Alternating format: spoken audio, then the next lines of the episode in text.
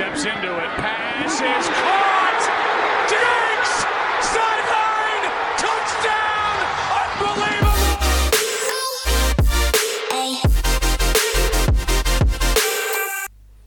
Szép reggel, délben, estét kívánok a kedves NFL rajongóknak, sziasztok!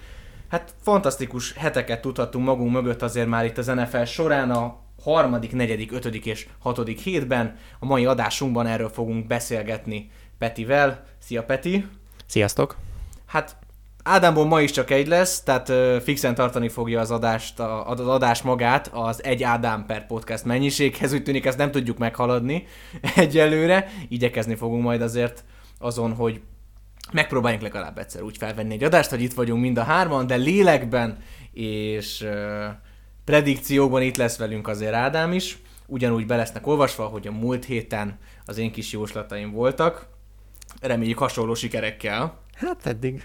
Majd de végén kitérünk a predikciókra, nem akarok Igen, hogy ki hogy áll, Ki hogy áll. érdekes egy kicsit a, az állás. Mm, Peti, azt majd szeretném, hogyha te felvezetnéd, mert igazából ott, ott neked kell tündökölni és beismerni az eredményeket, hogy mi hogyan készült. Na de az elmúlt hetekben bőven volt részünk izgalmakba. Itt mesélhetünk történelmi játszmákról, pontokról, fantasztikus játékos és csapat teljesítményektől, de hát akkor ne csak így lövöldözzünk a levegőbe, úgy gondolom, hogy akkor ugorjunk is bele, és nézzük meg az elmúlt hetekből egy-egy meccset, amit hoztunk nektek. Peti, mi volt a harmadik héten az általad választott mérkőzés? Hát az általam választott mérkőzés az a nagy meglepetéssel végződő Dallas Cowboys Arizona Cardinals mérkőzés volt, ami 28-16-os Cardinals győzelemmel végződött, és így az első adás után így eléggé pofont kapott az a, az a predikcióm, hát nem is predikcióm, de hogy az a véleményem, hogy ugye az NFC-ben három top csapat van jelen pillanatban, ugye a San Francisco, a Philadelphia, illetve a Dallas Cowboys, és hát a Dallas ilyen nagyon Dallasosan egyébként, ezt elég gyorsan meg is ö, cáfolta, mert sikerült a, hát nevezhetjük talán a az alsóházba tartozó, ha is nevezhetjük ilyen európai focisan az Arizona Cardinals, tehát inkább az egy per egy draft jogokért menő csapatok közé sorolnánk ezt a Cardinals, mint hogy a playoffért harcoló csapatok közé, ugyanis hát az egész keret nem annyira jól összerakott jelen pillanatban, ugye új edzőjük is van, és ugye az, kezd, az alapvető kezdő irányítójuk Kyler Murray pedig sérülés miatt nem játszik már,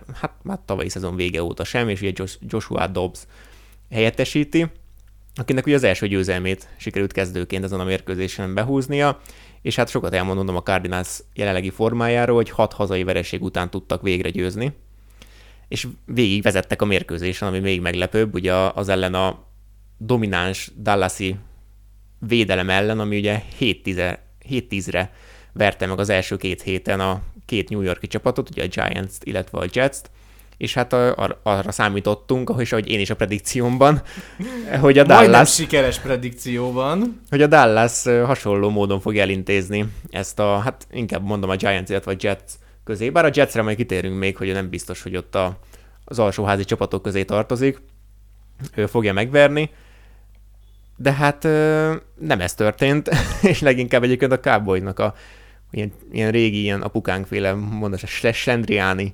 Slendrián, bizony. Slendrián mm, játéka miatt ö, született meg ez az eredmény, és hogy 13 büntetést kapott a Cowboys, ami mínusz 107 yardot jelentett, és hát az nem igazán segíti a csapatot, főleg a Cowboys féle támadójátékban, ami eleve nem a legerősebb a, a ligában, ugye a Dak Prescott vezette támadójáték, és hát ugye a Dallas még az is hátráltatta, hogy hát mennyire hátráltatta, hogy a hétközben, ugye a második, illetve a harmadik hét között, ugye Trevon Diggs talán a legjobb cornerback a ligában, sérülés miatt tehát megzavarodhatott a csapat, és edzés közben ö, elszakadt a térdében a szalag, és hát az idén már nem játszhat. Úgyhogy elég nagy vérveszteség volt ez ott a defense hátsó fertájában a Dallasnál, de hát nyilván ez nem kifogás, tehát alapvetően egy tényleg ilyen historikus, tehát ilyen történelmi védelemnek kikiáltott védelemben ez, ez, ez, ez nem megengedett, hogy tényleg egy, egy Cardinals féle csapattól 28 pontot kapjanak, amely egyébként a második héten, tehát az, ezt a mérkőzés megelőző héten 21 pontról sikerült a Giants-től kikapnia. tehát, hogy így Igen, merülnek fel azért itt kérdések az emberben. Most, hogyha csak azt nézzük meg, hogy a Cardinals milyen csapatokkal találkozott, azért látunk itt benne erős egy gyengét is, tehát egy, nem, egy, nem elvárás például egy cardinals szembe, hogy mondjuk egy 49ers való összecsapás során bármiféle ö, erőt fel tudjon mutatni, de meglepő volt mindenféleképpen a Cowboysnak ez a bugdácsolása, de az Arizona legalább nem nyeretlen csapat, így az ő esetükben nem beszélhetünk egy ö, végül nulla győzelmes szezonról. Ez azért még a mai adásban föl fog jönni, mert van egy olyan csapat, akinél ez a veszély bizony fennáll. Igen, hát igazából itt a harmadik héten ennél a mérkőzésre, mondom, a meglepetés miatt fontos, és azért is emeltem ki, meg hát ugye ez már sikerült vereséggel kezdenem a, a tippelési játékunkat. Jaj, mindegy. De te is hoztál egy meccset a harmadik hétről. Bizony, bizony. Én egy történelmi mérkőzést hoztam. Hát történelmi, vagy nem történelmi, ugyanis az NFL-be 1940-ben történt meg egy olyan mérkőzés, amely során 73-0-ra nyert a Chicago a Washington ellen, ez egy azóta fönnálló rekord, és ezt próbálta meg megközelíteni, vagy hát edzőnyilatkozatokból kiderülhet, hogy nem próbálta, hanem egyszerűen így sikerült, ugyanis a Miami Dolphins 70-20-as arányban diadalmaskodott a Denver Broncos csapata ellen. A Miami teljesen pozitív mérleggel 2-0-ra érkezett, a Broncos pedig teljesen negatívan 0-2-vel erre a mérkőzésre, és óriási volt a különbség. Ami érdekes volt számomra nagyon ebbe a találkozóba, hogy a Broncosnál is voltak kifejezetten szép pléjek. Most nem feltétlen arra gondolok, ami a játék végén volt, amikor már azért a, a, a Dolphinsnál is már nem is Tua volt az irányító, egy kicsit pihentették, vagy én nem is tudom, és voltak azért olyan játékosok, akik megkapták az ajándékperceket, de de voltak helyenként tényleg nagyon szépek, bár azért a Broncos egy gyönyörű egészpályás visszahordást bemutatott a Miami ellen, de a Miami-nak talán inkább a támadó sorát érdemes ö, kiemelni.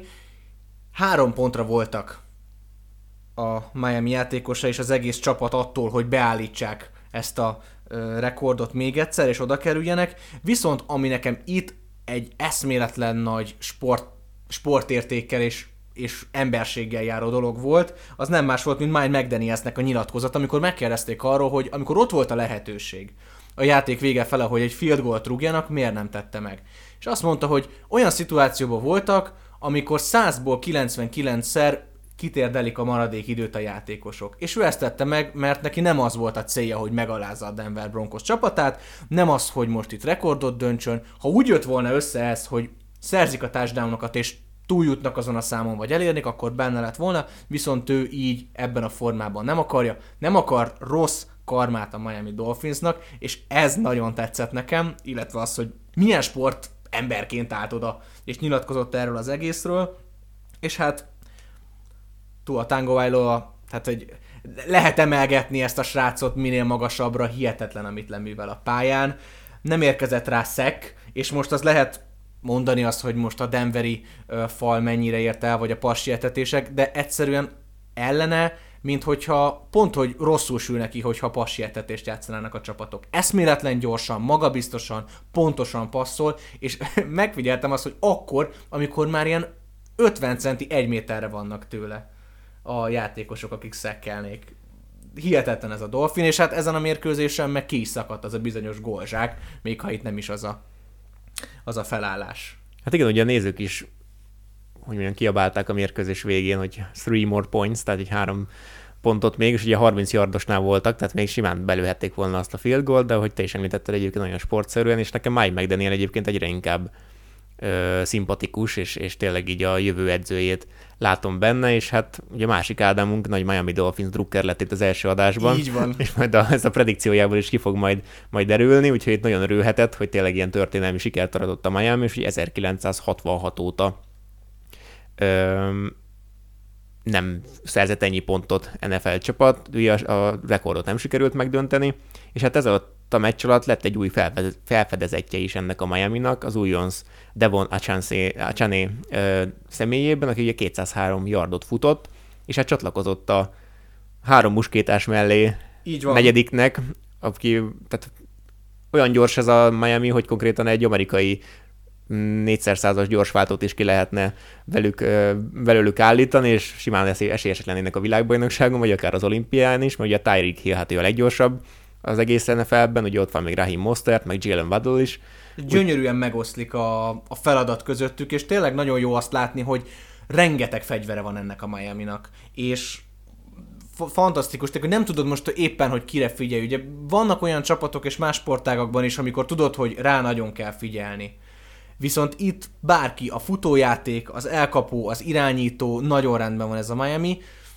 Kérdés, hogy kik lesznek majd azok, akik oda tudnak állni, esetleg az alapszakaszba, és majd később a rájátszásban, de hát ilyeneken még azért nem kell idegeskedni. Viszont ami nagyon tetszett, hogy ugye ö, 10, bocsánat, igen, 10 darab touchdown szereztek, és 10-ből 10 plusz egy pont, az be is lett rugva. Nagyon, nagyon tetszett, hogy Jason Sandersnek 10 per 10 ott a neve mellett, és így 10 felment rugni, meg volt a biztos, ő, ő hozzátett, most bele, belegondol az ember, hogy 10 pontot hozzátette ez a... Hát főleg ugye az első 9 drive-ukból 8 touchdown végződött, és ugye végül ugye, hogy te is említetted, Tua meg Tyreek már is ült, ült a negyedik negyedre, nyilván nem erőltette már Mike McDaniel, főleg ugye Tuánál, aki tudjuk, hogy az agyrázkódásai veszélyesek, de egyébként nem is tudom milyen küzdősportot tanult itt a nyáron, majd látjuk az első szeknél, hogy, hogy, hogy, hogy megtanulja, nem sokan szokták. Hogy megtanulja, hogy hogyan kell esni, anélkül, hogy a fejére essen, és hogy agyrázkódás kapjon, és egyelőre ez beválni látszik, tehát hogy uh, itt 6 hét után is, még ugye a harmadik hétnél vagyunk, de a 6 hét után is látszik, hogy ez a Dolphins ez veszélyes lehet, de szerintem lépjünk is át a következő hétre, a negyedik hétre, ahonnan én a Sunday Night Football, tehát a vasárnap esti rangadót hoztam, a Kansas City Chiefs New York Jets mérkőzését, ami hát nagy meglepetésre egyébként szorosabban alakult, mint, mint azt egy elsőre sejteni lehetett volna. Sokan mondták is, hogy ugye van ez a flex szabály, hogy hogyha tényleg ilyen nagyon gyenge két csapat kerül oda a Sunday Night Footballba, mert ugye mikor május végé, június elején már megvan, hogy mi lesz a pontos 18 hetes programja az NFL-nek, és mindig be van lőve, hogy mi a Monday Night Football, mi a Sunday Night Football, hmm, és a tizedik héttől, vagy most a hányadik héttől fogva ki tudja cserélni az NBC esetleg egy izgalmas mérkőzésre, hogyha esetleg másképp alakul a szezon, mint ahogy ők elsőre gondolták. És ugye ez is elsőre egy nagy rangadónak ígérkezett, mert ugye nyilván Patrick Mahomes Aaron Rodgers ellen, de hát ugye Aaron Rodgers az első héten, első héten, az első hét percben le is sérült. Az első mes legelején. De ettől függetlenül nagyon szorosan alakult a mérkőzés, ugye 23-20-ra tudott végül a Chiefs nyerni, de 17 pontos előnyt herdáltak el, és hát a támadó sor az sová, továbbra sem tűnik annyira erősnek, mint, mint azt gondolnánk egy elsőre a Chiefsnél, mert ugye az elmúlt években abszolút arról volt híres, hogy rendkívül kreatív volt a támadó játék, ugye Andy Reid nagyon szépen fel tudja rajzolni azokat a játékokat, rengeteg jó elkapójuk volt, a futójáték is ment, és hát Patrick Mahomeshoz nincs mit hozzáfűzni igazából a, az új generációból talán a legjobb irányító, bár szerintem nem, az Joe Burrow, de mindegy, ez, ez egy másik téma már megint. De ezen a mérkőzésen ugye Mahomes kettő interception is dobott tőle teljesen testidegenként. Lehet izgult, mert ott volt Taylor Swift is ugye a mérkőzésen. Így van, a Taylor Swift mánia teljesen megragadta így az NFL-t és az egész világot.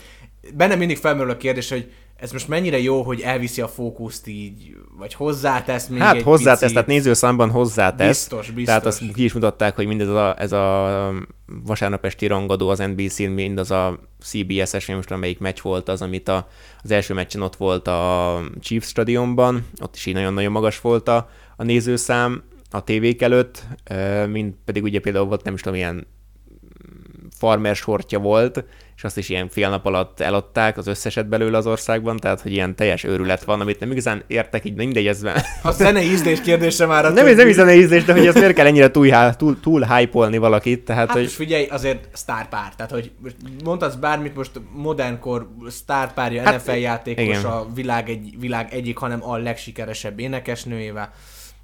Jó, értem én persze, de... Ebből indul, de... és minden más már csak marketing. Abszolút, igen, tehát semmi másra nem szól az egész marketingről, de hát Mahomes úgy tűnik, hogy picit ö, visszafogta ezt a, ezt a mérkőzést aznap este, és hát Zach Wilson eddig talán legjobb meccsét játszott a Rodgers sérülése után. Ugye sokat beszéltünk erről az első adásban is, hogy mire lesz képes ez a Jets így uh, Rodgers sérülését követően, és hát Zach Wilson mennyire a jövő irányítója náluk. Még de itt, csak kényszerből is. Még csak kényszerből is, igen de ezen a mérkőzésen 28-39 ezer, tehát 28 ö, sikeres passza volt, 245 yarddal, 2 touchdown és csak egy fumble volt, ami hát félig meddig a támadósor, tehát a fal, falemberek hibája volt, félig meddig az övé. de összességében ez egy, ez egy olyan meccs volt, amit így el lehet várni Wilsontól, hogy ne hibázzon annyira sokat, és akkor igazából a védelem, tehát az a nagyon tehetséges védelem majd szépen kihúzza neki a, a másik csapatnak a méregfogát, és hát itt majdnem sikerült, és 17 pontról majdnem visszahozták. A Jetsről még fogunk beszélni, de ez a mérkőzés mindenképpen izgalmasan alakult. Abból a perspektívából is, hogy most a tavalyi bajnok Chiefs hogyan indította a szezont. Panaszra azért nem lehet oka a Kansas City drukkereknek, azért ők is elég szép mérleggel állnak. Egy bukott mérkőzésük lesz, ami valószínűleg még szóba is fog jönni a mai nap során, mert azért itt a top csapatok keringenek szépen a témákba is, és ma is szájon fognak fordulni.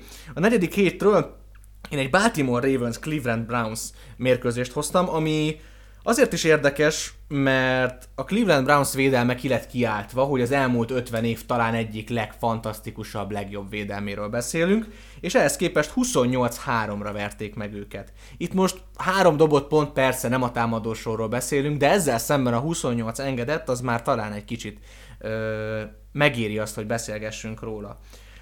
Voltak sérültek is ezen a mérkőzésen, például Odell Beckham Jr. nem lépetett pályára, illetve Deshaun Watson jobb vársérülés miatt megint csak nem került oda. Nagyon Watsonról még, igen, Watsonról még majd fogunk beszélni, mert a hatodik héttel is hozunk egy mérkőzést a browns de ott megvan a vélemény, hogy nem tudom, mi történik ott, de menjünk tovább. De valami, valami, valami említésre méltó, az biztos. Helyette pedig Dorian Thompson Robinson, Tomzor Robinson, láttam ezt a nevet, megint láttak egy szép családot, hogy jól sikerült, mert tudom, hogy vezetéknév meg minden. De, de, UCL irányító volt. Jó, bocsáss meg, igen, öt éven keresztül. Fantasztikus teljesítménnyel, három interception dobott, és 36 próbálkozásból. Pedig én annyira örültem volna, hogy jól sikerül neki ez a meccs, na mindegy. Hát annyira jól sikerült, hogy utána azt a következő mérkőzésen nem is ő irányított, vagy nem, legalább, vagy egyet tovább. Hát ugye bye week volt, aztán hatodikon már nem ő. Igen. Így van. A másik oldalon Lamar Jackson 19-ből 15 sikeres passzal, 186 yarddal és két touchdown zárt. Nekem amúgy Lamar Jackson az egyik nagy kedvencem. Ö, eszméletlenül tetszik az a fajta futójátéka és a passzjátéka mellett, amit hoz, és nem véletlen a Baltimore top 3 legtöbb yardot futott játékosában benne van. Amiről a, ugye a Brownsnál ez a védelem, amit már én is említettem, a mérkőzés előtt is több portálon olvastam, direkt néztem így visszadatálva, hogy a, a Browns milyen mutatókkal rendelkezett a mérkőzést megelőzően. Első volt az engedett yardokban, tehát a legkevesebbet engedte. Itt ugyanúgy a passzoltba, a futottba és a totális yard számításba is ők engedték a legkevesebbet. Elsők voltak a első kísérletengedésbe, és akkor itt még igazából napestig lehetne sorolni, természetesen pontokba is a legkevesebbet a Browns ellen szerezték. Viszont itt ezen a mérkőzésen teljesen kapitulált a védelem, mint láthatjuk egyetlen egy mezőnygóljuk volt, ezen kívül nem nagyon tudtak mást tenni a Baltimore Ravens csapata ellen. Két futott touchdownja volt Lamar Jacksonnak, kilenc darab, ö, hát carryből, ezt próbálnám szépen. Megfogta azt a rohadt labdát és vitte, kész, pont. Ebből 27 yardot szerzett, ez amúgy a csapatban a második legtöbb volt. Tehát ö, nagyon sokrétű. És itt egy kérdést is megeresztenék felét, Peti. Mit gondolsz ebben a Baltimore Ravens-ben? Lamar Jackson azért fut ennyit, mert ő képes erre, vagy azért, mert inkább magában bízik, mint a csapattársaiba?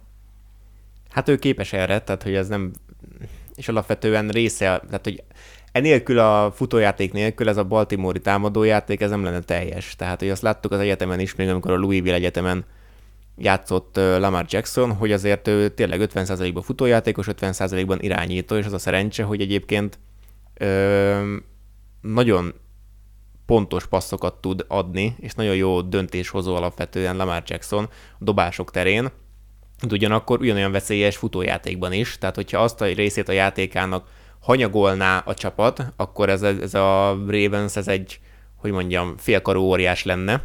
Bár így is azért nekem vannak kérdéseim Jacksonnal kapcsolatban, nyilván ez a futójáték ez nem mindig a legegészségesebb dolog. Látjuk például ugye az újonc Anthony Richardsonnál, aki ugye a Coltsban játszik, hogy ő is így harmadik meccsé már megsérült, és pont a dobóvállára esett rá az egyik futásnál, tehát hogy ez ebben mindig benne van a veszély sajnos.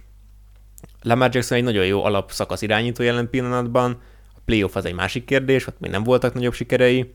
Hát, hogyha ez a Baltimore esetleg bejutna idén a playoffban, ami, amire egyébként simán megvan az esélye, bár az az amerikai konferencia az nagyon-nagyon kemény, ott a felső szinteken, tehát van egy top 10-12 csapat, aki azért, aki között nagy lesz a harc a playoffért, sokkal erősebb, mint jelen pillanatban a, a nemzeti konferencia, de ez tényleg ez, alapvetően ez egy, hogy mondjam, tudatos döntés John Harbauéktól, hogy, hogy futtassák a labdát Lamar Jacksonnal. Főleg azok után ugye, hogy a második héten J.K. Dobbins megsérült, és azután nyilván a, támad, a futójátékot még jobban ki kellett egészíteni, mert hát J.K. Dobbins-ot helyettesíteni az önmagában egy nagy feladat egy futójátékosnak is. És mellette ugye egy elkapójukat is azért elveszítették Odell Beckham Junior személyébe.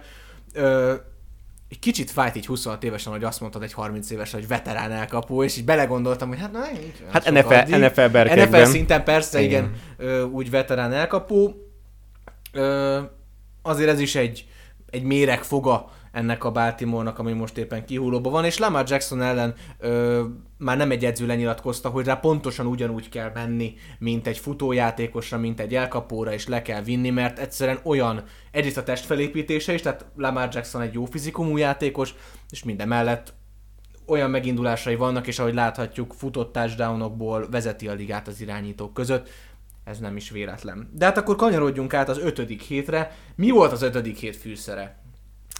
Hát ugye ott is egy Baltimore, én egy Baltimore meccset hoztam, akkor éppen a Pittsburgh ellen játszottak, tehát az is egy divízió mérkőzés volt. Um, ott viszont a Ravens kicsit a másik arcát mutatta, tehát hogy nem nagyon tudtak mit kezdeni azzal a Pittsburghi védelemmel, és mindössze 10 pontot tudtak csak szerezni uh, a Steelers otthonában, és hát Lamar összességében nem tudott annyira jól játszani, mint, uh, mint a Cleveland ellen tette, és ugye a Ravensnek összességében három turnovere volt, tehát három eladott labdája, volt egy blokkolt punt, ami, ami után ugye a Steelers egy safety is szerzett, pedig a Steelersnek egyébként, ha van gyenge támadójáték, majd a Patriotsra kitérünk gyenge támadójáték alatt. Nem is értem. De ha van gyenge támadójáték, akkor az a Steelersé. És hát totális lefagyás volt Pittsburgh oldalról. Az ezt, megelő, ezt megelőző mérkőzésen a Houston Texans söpörte le őket a pályáról konkrétan. Kenny Pickett ugye az első szezonját kezdi kezdőként, tehát a stabil kezdőként, és hát ezen a mérkőzésen is egy dobását leszámítva, ami pont egy perc 17 másodperccel a vége előtt sikerült George Pickenshez, ugye Pickett Pickenshez, sok a pick Pittsburghben, 41 yardos touchdown szerezni, de az is azután, hogy Joey Porter Jr.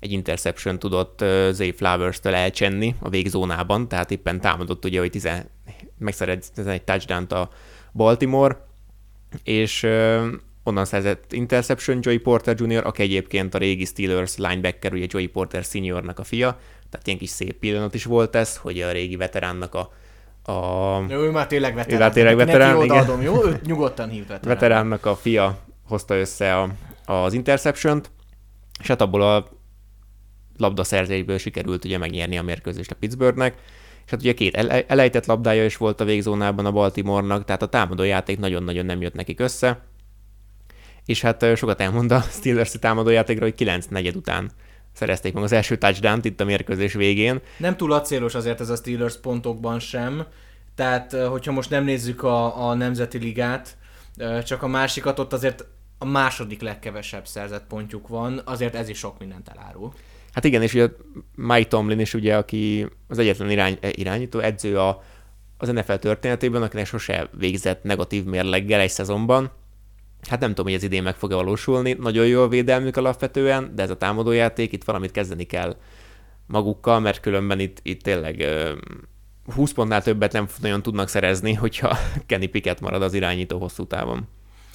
Egyelőre pozitív a mérlege a Steelersnek, reméljük, hogy a történelem beigazolja magát, és marad is ez így, és sok erős csapatot látunk. Azért a Pittsburghnek, hogyha belenézünk a legutóbbi öt meccsébe, azért voltak itt érdekességek, tehát megverték ezt a, hát mondhatjuk hektikus Cleveland Brownsnak, mert egyszer fönt, és megállítanak bárkit, egyszer lent, és igen, a Cleveland az hozzá kell tenni, ugye, hogy említetted, hogy 28 pontot engedett a Baltimore-nak, de ez volt a legtöbb eddig az öt mérkőzésen, amit játszottak, és a másik meg a Steelers volt, akik 26 pontot kaptak, tehát a teljesen Hát most ilyen Megmagyarázhatatlan egy kicsit. I- igen, és azon kívül ugye három pontot engedtek egy másik mérkőzésen, még hármat, illetve 17-et, tehát hogy így kicsit megmagyarázhatatlan számomra is, hogy mi történik néha a Clevelandben, de hát majd ez a top 10-ben is meg fog látszódni, hogy hol helyezkednek el, hogyha elhelyezkednek a Cleveland Clevelandi Brownok.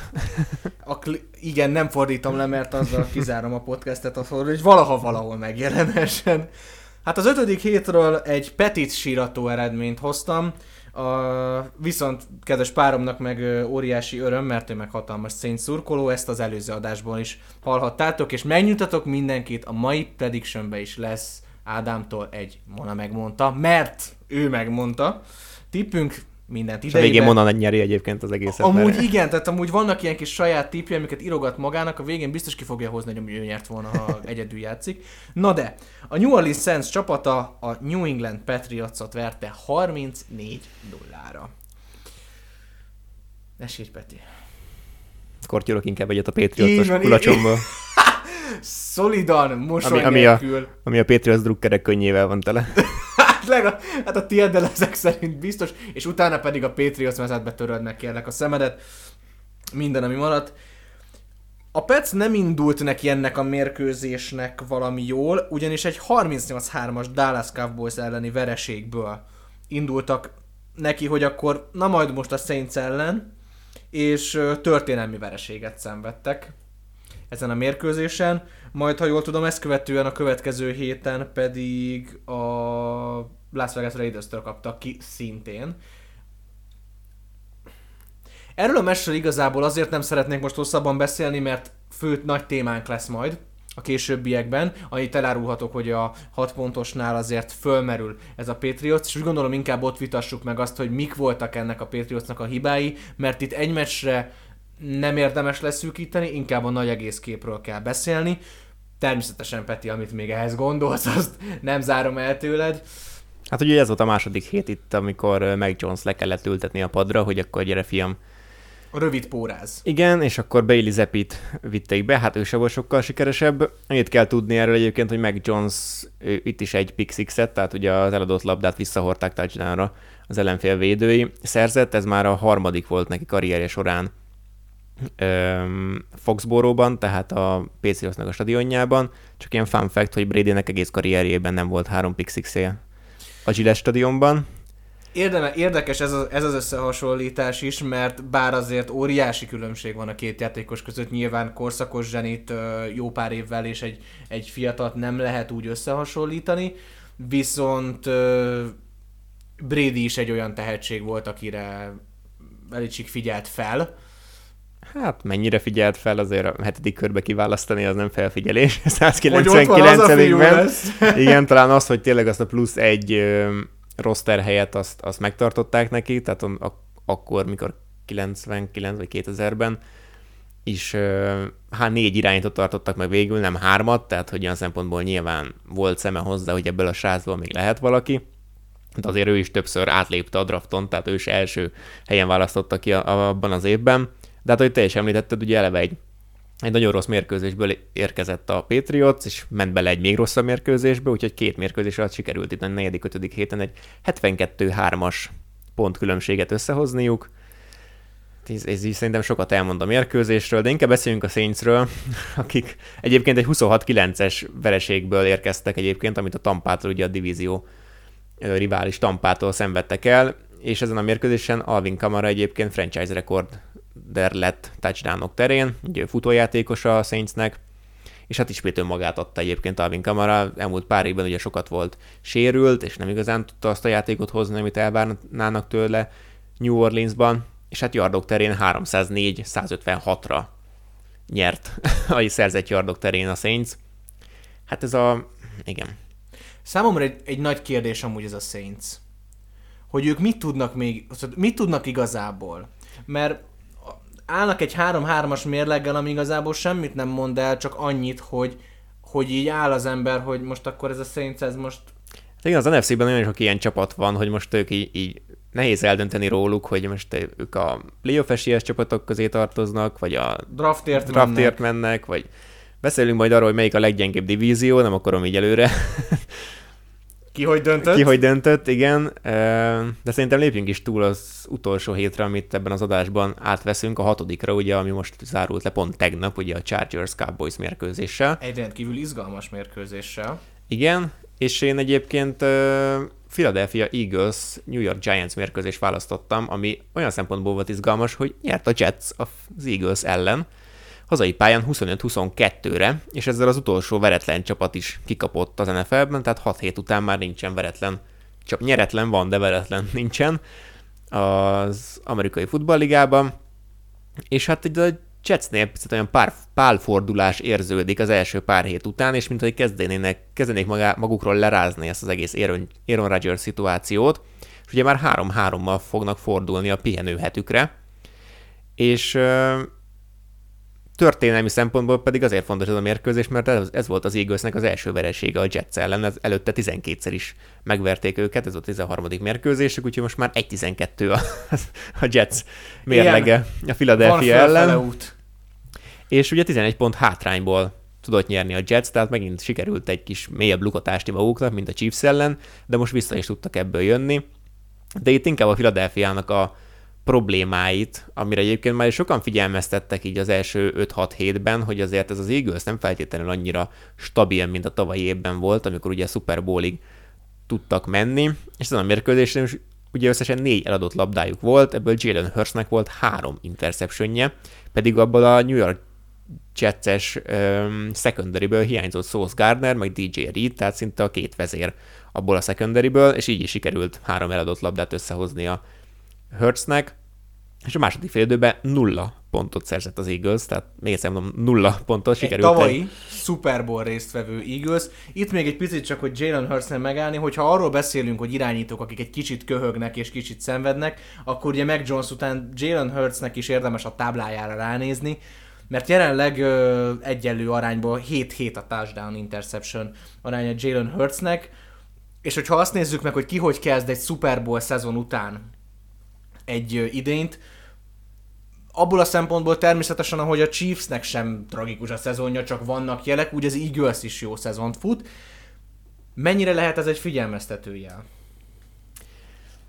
Hát lehet figyelmeztetőjel, de igazából mit kezdesz vele? Tehát azon kívül, hogy ö, most adtak neki ugye nagyon-nagyon nagy szerződést pont a nyáron. És mondjuk az Eaglesre nézve, tehát hogy összességében nem is az, hogy Jalen Hurtsnek a mostani szezonja, a Philadelphia Eaglesnek lehet esetleg ez a mérkőzés valamiféle? Hát ilyen, inkább ilyen ébresztő szerintem, hogy azért nem vagyunk annyira jók, mint nem tavaly voltunk. El. Igen, tehát hogy szerintem ez fontos egyébként, és amely a másik mérkőzés a hatodik hétről is szerintem ilyen szempontból fontos lesz egy másik csapatnak, hogy azért még sok van hátra, tehát hogy a szezon első harmadán vagyunk csak túl, még két harmad hátra van, és hogy csak október közepén vagyunk, tehát a január első hetében, második hetében fogják az utolsó alapszakasz mérkőzést játszani, tehát nagyon-nagyon messze van még itt Addig a vége. nem szabad leereszteni. Addig nem szabad leereszteni, és nem is szabad elhinni magadról 6 hét, hét után, hogy te már megnyerted a Super Bowl-t, mert kicsit a 49ers is ezt éreztük ezen a héten. Így van, így van, nagyon jó. De a, de a Jetsről... Már rá is kanyarodnék, olyan gyönyörűen felvezetett Peti most azért hatodik, hét, hatodik hétre a meccsemet, de nem folyton belé a szót. De annyi még a Jetshez hozzátéve, hogy a Jets is kicsit olyan érdekes helyzetben van, mert ugye 3-3-mal áll, ezt már említettem, tehát tökéletes 50%-on vannak, és olyan csapatokat vertek meg, mint a Buffalo Bills, ugye az első héten, bár ott kicsit olyan érzése volt az embernek, hogy a Bills-t jobban megzavarta Aaron Rodgers sérülése, mint a Jets, ugye Ez az első adásban adásból. is említettem a Broncos, de hát a Broncos nagyjából mindenki megveri. tehát, hogy ez, Szegény Broncos. Az, tehát van, van égő kuka, kukás doboz, ugye kukás doboz, ahogy én szoktam hívni, a New England Patriots mellett, az a másik az a Broncos, tehát kezet foghatnak egymással. És ugye az eagles verték még meg, és Chiefs is ugye, hogy említettem, közeli meccset játszottak, és azon kívül viszont kikaptak a Patriots-tól. Az e- Patriots egyetlen győzelme. Erre szokták Peti azt mondani, hogy alamizsna. Tehát, hogy na, ez egy, a liga odaszólt, hogy gyerekek, azért a Pec ne menjen nullába. Meg, tehát, meg, van, meg aki mehet, de ne a Pec menjen. Meg hát az ilyen, igen, tehát az ilyen mumusok körülbelül, tehát hogy a, bármennyire is ott a, rossz a Patriot, azért a Jetset meg fogja verni. a Jets az lehet, hogy a Super Bowl, nyert öt Super Bowl egymás után, a Patriots meg öt éven keresztül három győzelme van, akkor az a három győzelem az, az a Jets ellen van. Az mind végig a Jets ellen van. De hát akkor a, ha már ilyen szépen fölvezetted nekem a San Francisco 49ers-t, ők a hatodik héten a már említetten hát ilyen kérdés, Cleveland Browns csapatával játszottak, és kikaptak 19-17-re. A 49ers 5-0-al érkezett erre a meccsre, a Browns pedig 2-2-vel, ugye nekik, ha jól tudom, ekkora már volt egy kiült mérkőzésük az egyik hétvégén. PJ Walker helyett, pontosabban PJ Walker játszott Deshaun Watson helyett, én is megtanulok majd egyszer szépen írni, illetve kiolvasom a saját írásomat. A Brown defense nagyon összeszedte magát. És ugye ahhoz képest, hogy elsők voltak persze mi az, hogy összeszedni, de azért csak egy olyan 49ers kellett most megverniük, vagy kellett odállniuk, aki akire házat, feleséget, kocsit, mindent rá lehetett volna rakni a mérkőzés előtt, viszont a Browns felismerte, hogy egy kevés pontos meccsen, ha szűken fogja ezt a 49ers, akkor nem csak, hogy szűken fogja, de meg is fogja, ahogy ez most is megtörtént. Teljesen összeomlott a San Francisco, az a Pördi, aki eddig piedesztára volt emelve, és természetesen nem vesszük le ezért, de lejátszotta élete legrosszabb meccsét. Itt, ha nem is feltétlen a, a számok tengerébe rohanunk bele. Volt furcsa bírói döntés is, ami befolyásolta valamilyen szinten ezt a mérkőzést, hogy ott most annál a bizonyos esetnél a válvédőt, a sisakot ütötték meg, és az, hogy most negyedik és tíz helyett első és tízzel lehetett menni, és mezőnygolt szerzett a Browns, ez egy érdekes kérdéskör. Összességében az, hogy ennyire szoros lett az a meccs, az már egy olyan dolog, amiről érdemes beszélni. A másik az, hogy a kimenetele mi lett, itt azért meg kell állni. A 49ers ö, végül a mérkőzés végén egy 41 yardos mezőnygolt hagyott ki, ami messze van, közel van, be kellett volna rúgni. Hát igen, meg tehát azért, hogy mondjam, a 49ers is ugye veretlenként érkezett, ahogy te is mondtad ebbe a meccs, meccsbe, és pont a Cowboys elleni 42-10-es, ugye hát nemzeti konferencia rangadóból érkeztek meg, és valószínűleg ők is elhitték magukról, hogy, hogy ettől kezdve figyelmi, hát akkor megverünk bárkit. Tehát, hogy ettől kezdve, hogy a Dallas mi így elintéztük, attól kezdve nekünk nincsen meg, tehát már sokan elkezdtek beszélni, hogy akkor 17-0, akkor ez, tehát, hogy söp, kisöprik az egész szezont, és akkor megérkeztek ugye Clevelandbe, ugye a liga első védelemmel szemben, és Brock Purdy összehozta az első vereségét egyébként, tehát ugye, ahogy te is mondtad, nem elvéve bármit is Brock Purdy eddigi karrierjétől, mégiscsak teljesen utolsóként választották ki a drafton, tehát így is nagyon nagy, nagyon nagy dolog, amiket elért eddig, és hát első interceptionjét dobta idén, tehát ez, ez is meg 40, csak 44%-kal dobott ezen a mérkőzésen, úgyhogy előtte vezette a ligát 72%-os passz arányban, és hát igazából a tökéletesből verhetővé vált hirtelen ez a 49ers. Bár ha csak hoz... egy meccs erejéig is. De hozzá kell tenni, hogy ugye, hogy Christian McCaffrey, ugye, aki a futójátékot hozza, és vezeti is a ligát ugye a futott yardokban, ő ugye kidőlt a mérkőzés közben, kétszer próbált is visszajönni, de aztán végül teljesen kiültették inkább, illetve Dibo Samuel, ugye az egyik legfontosabb elkapója Brock Purdynek, szintén sérülés miatt kiülni kényszerült, és hát ugye a 15 meccses alapszakasz sorozatának lett vége a 49ersnek egy ilyen mérkőzéssel. Szerintem ez egyébként jót tett nekik, tehát inkább most, mint a playoffban. Lehúzta őket a földre egy Igen, kicsit. azért még sok van hátra, hogy említettem az alapszakaszból, tehát lesz még egy pár ilyen mérkőzés, de ez pont egy olyan mérkőzés volt, hogy a legerősebb védelem ellen sem vallottak alapvetően kudarcot, tehát hogy nem kell szégyenkezniük alapvetően szerintem. Nem lettek mert rongyáverve. Igen, abszolút, ez nyilván annak is köszönhető, hogy a túloldalon egy nagyon impotens támadójáték, hogy játszott PJ Walker, aki ugye, ugye említettek Dorian Thompson Robinson helyett játszott, meg Nem ugye akartak Watson. most három interceptionos játékot Igen, a Brownsnál. Csak egy, egy, touchdown szerzett PJ Walker, amelyet négy field goal szerzett még, tehát mezőnygolt szerzett a Cleveland, de Dishon Watsonnak a kiülését továbbra sem értem. Hogy most megsérült még itt a negyedik héten, ed, a bemelegítés közben a válla fájt, hogy akkor most játszon, ne játszon, közben úgy volt, hogy akkor jó, akkor legalább kiüli, mert az ötödik héten volt a pihenőhetük. Kiültem, most a hatodik héten még megint kérdéses volt, még mindig nem jó, most vagy nagyobb a gond, vagy valami balhé van itt a csapaton belül, ami gyanús, mert ugye Dishon Watsonnál voltak a mindenféle masszörnőkkel való balhéja, ami utána a Cleveland liga, liga elsőként adott neki egy teljesen garantált szerződést, akit továbbra se ért senki, hogy ezt hogy gondolták. Valami, valami palástolhattak valószínűleg. És... Igen, tehát ez a következő hetekben nem csodálkoznék, ha bármilyen belsős infoi kijönne, hogy amúgy így, hát lehet, hogy itt nem igazán felhőtlen a viszonya a, a vezetőség, illetve Dishon Watson között, és nem feltétlenül csak a sérülés az, ami problémát okoz, pedig azért szükség lenne rá, tehát hogy nyilván játékban nem lehet elvenni azt, hogy mennyire tehetséges mennyire jó irányító Dishon Watson, és szükség lenne rá a támadó játékban, mert ugye Nick Chubb megsérült, tehát a futójáték az teljesen nulla jelen pillanatban szinte Clevelandben, és mindenképpen kellene az a kreativitás, amit Watson tud hozni. És akkor ezt a liga első támadóját, tám, védőjátékot, ezt tudnák támogatni a támadók is. Így van, megszületett hát az első vereség is ebben a 49ers idényben, és ahogy említetted te is, Peti, nincsen már veretlen csapatunk, egy sem.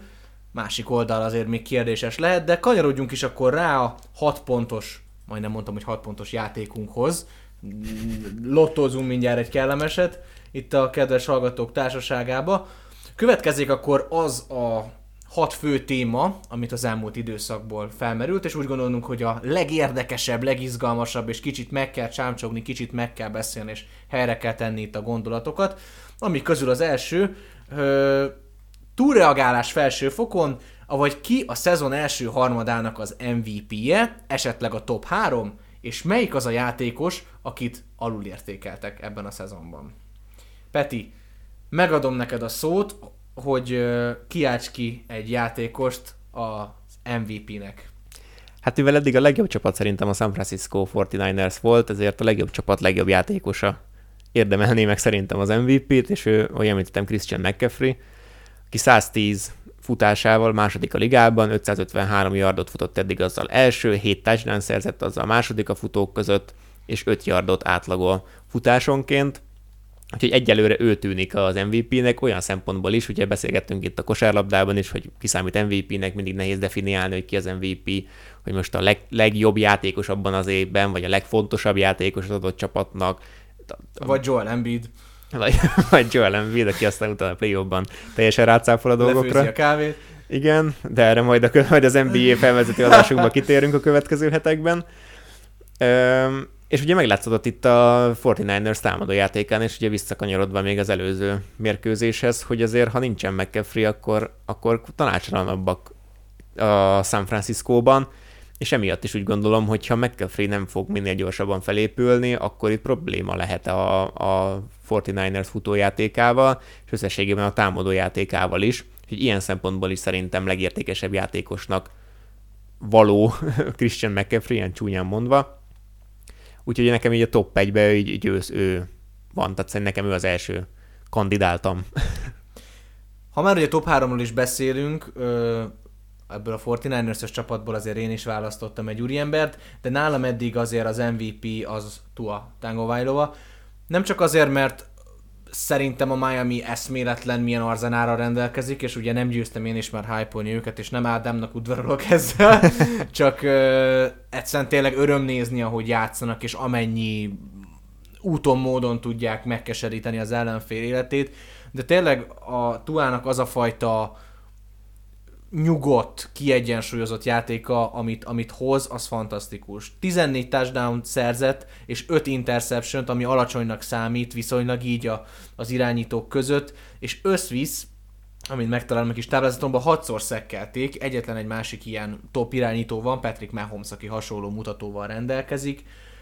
Nagyon meghatározó ebben a, ebben a Miami-val, nagyon jó százalékkal is rendelkezik, 71,1%-kal így a completed passzok arányában, és ami nekem nagyon megfogta a tekintetemet, az az, hogy a próbálkozáson kenti yard. Majdnem 10 yard, ez 9,5 pontosabban, tehát hogyha most megnézzük csak tényleg leegyszerűsítve, majdnem megdobja minden egyes passzával azt a kötelező haladást. Igen. Tehát, hogy, és akkor itt most nyilván ugye felmerül a kérdés, hogy mit játszon akkor a csapat.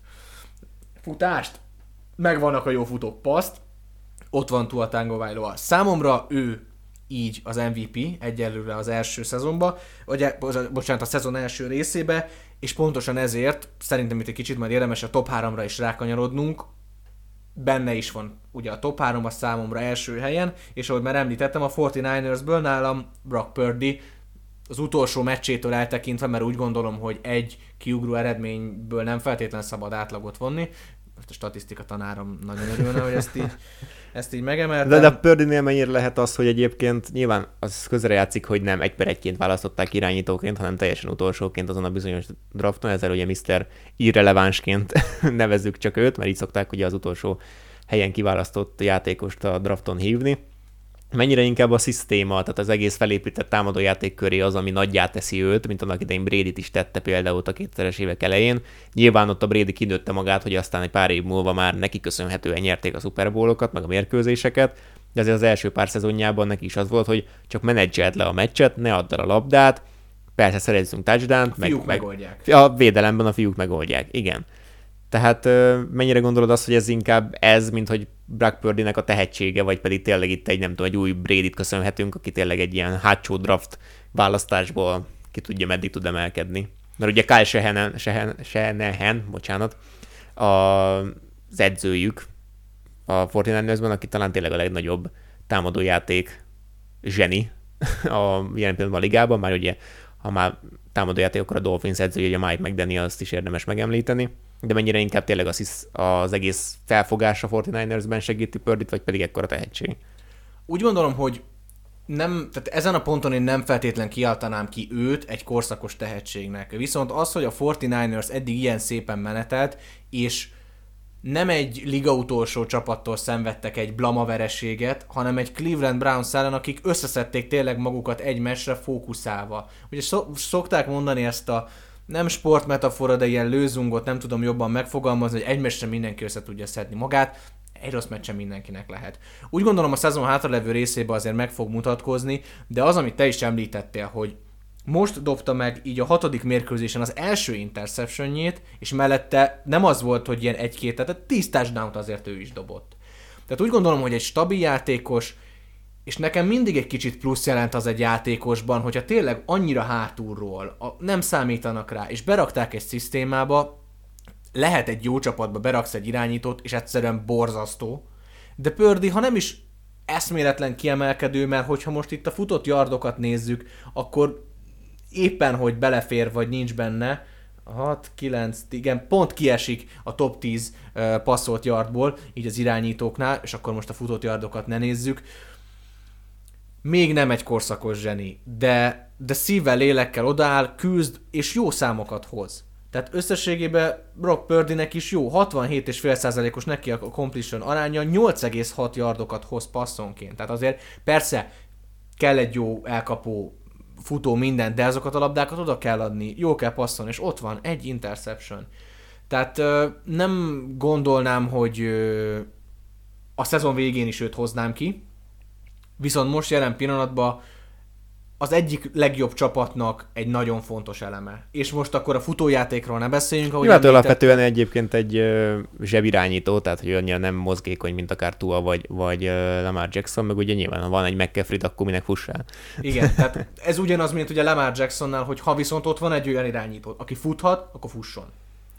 Jó, nekem a második az Tua volt, tehát igazából sokkal több mindent nem fújznék hozzá, mert szintén szerintem az EFC-ben, hát a Chiefs-el valószínűleg fejfej mellett a legjobb csapat közé raknám a Miami-t, és a Tua az tényleg ő a szíve lelke pillanatban a csapatban, és ha ő jól játszik, akkor az egész csapat jól játszik, és sokat elmondta, hogy tényleg 1876 yardot dobott eddig, és ő vezeti a ligát, és mögötte 200 yarddal, tehát majdnem egy meccsnyi yarddal következik Kirk Cousins, tehát azért ez a nagyon hatékonynak mondanám ezt a Dolphins támadójátékot.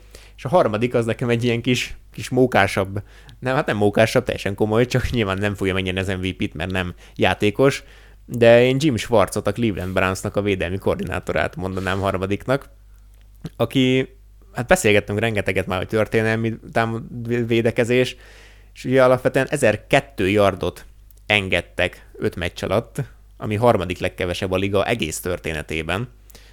Csak a 71-es Baltimore Colts 836 yarddal, illetve a 70-es Minnesota Vikings 945 yarddal volt jobb náluk, és úgy csinálják ezt egyébként, hogy az eladott labdák közötti különbséget az mind az öt meccsen elveszítették. Tehát a saját támadósoruk többször adta a labdát, mint ők szereztek labdát. És így is rengeteg, hogy a támadópont, engedett támadópontokban 12,6, ők az elsők, az engedett yardokat játékonként is az elsők 3,8-al, a harmadik kísérletek ö, során engedett. engedett, igen, az 23,1 százalék, illetve 59 százalékban három, próbálkozás, három próbálkozás után lemegy a, ez ellenfél támadójáték, támadó sora, ami 12% kal jobb, mint bárki másnak a ligában és eddig ez a, tehát hogy nagyon nagy, tehát hogy nem az történt, hogy mindenkit összevásárolgattak, vagy mindenki oda ment a Clevelandbe, hogy hú, most akkor ott egy világi történelmi... Nem LeBron James van ott. Már vártam. Igen. Bár Cleveland, this is for you. Helyben Meg vagyunk. Szóltam. Helyben vagyunk. Szóltam. Helyben vagyunk, igen. Öm, nem ez történt, hanem alapvetően nagyjából maradt ugyanaz a personal, tehát az emberek, tehát a játékosok maradtak nagyjából ugyanaz, érkezett Jim Schwartz, aki egyébként tényleg egy nagyon jó támadó koordinátor. Detroitban edzőként elég nagy failure volt, tehát hogy nem volt annyira sikeres, de tényleg sikerült egy, egy nagyon jól összerakni ezt a Clevelandet, és ha tényleg csak picit is jobb lesz az a támadójáték, ez a Cleveland simán rájátszás esélyes lehet, főleg abban a divízióban, úgyhogy én Jim Schwartzot jelöltem harmadikként.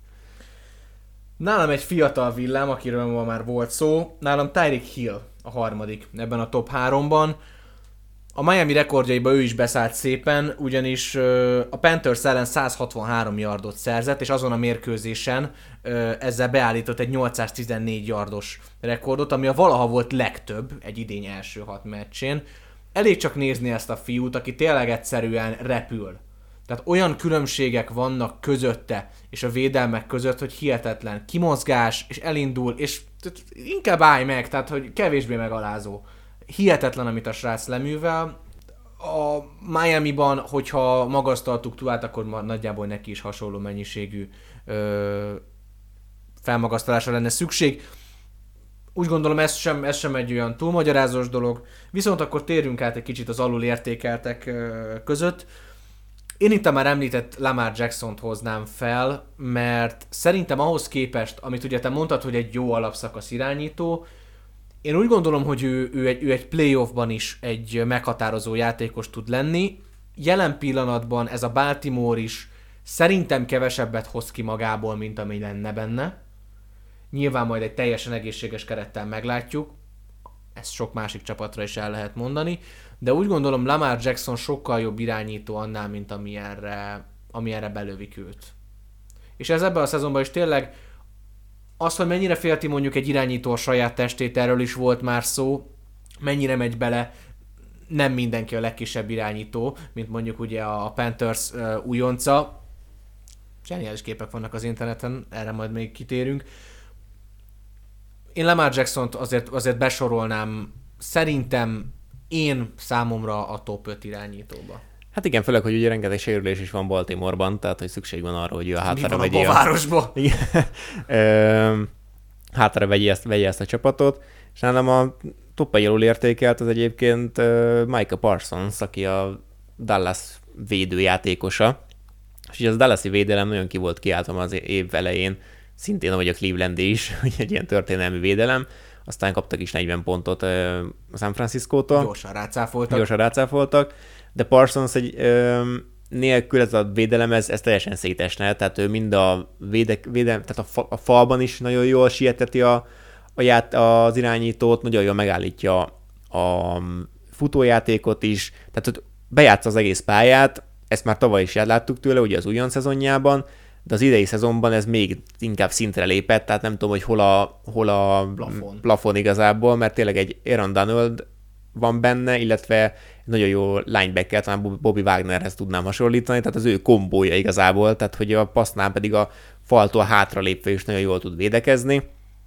és sokszor nem is látod igazából, de egyszerűen akkor hatása van a játékra, hogy így nem is gondolná az ember, hogy, hogy, hogy egy darab játékos ennyire tud, egy játékos ennyire tudja befolyásolni a másik csapatnak a támadó játékát. Igen, vannak ezek a, ezek a csendes játékosok, akik szépen dolgoznak, ugye ez legtöbbször más sportágakban is a védő oldalon nyilvánul meg. Oda kell azért adni mindenkinek, ami megjár neki.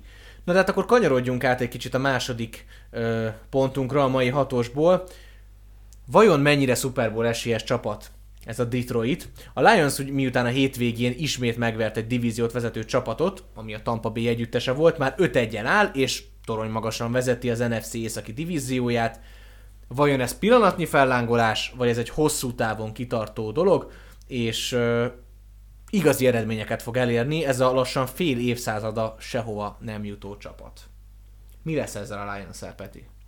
Hát az a szerencsé a Lionsnek, hogy nem is szerencséje, mert mert ugye az év elején is, ugye az előző adásban is említettem, hogy nagyon fel volt hype az egész Detroit, egyből Super Bowl esélyesnek kiáltották ki őket, aztán tényleg meg tudták verni a Chiefs-t az első mérkőzésen, ugye a szezon első meccsén, de aztán a, azon felállva a második, kör, második fordulóban sikerült is kikapniuk hosszabbításban a Seahawks-tól, hazai pályán 37-31-re, de ott se vallottak igazából kudarcot, tehát simán benne lenne ebben a szezonban az, hogy, hogy veretlen legyen ez a Lions.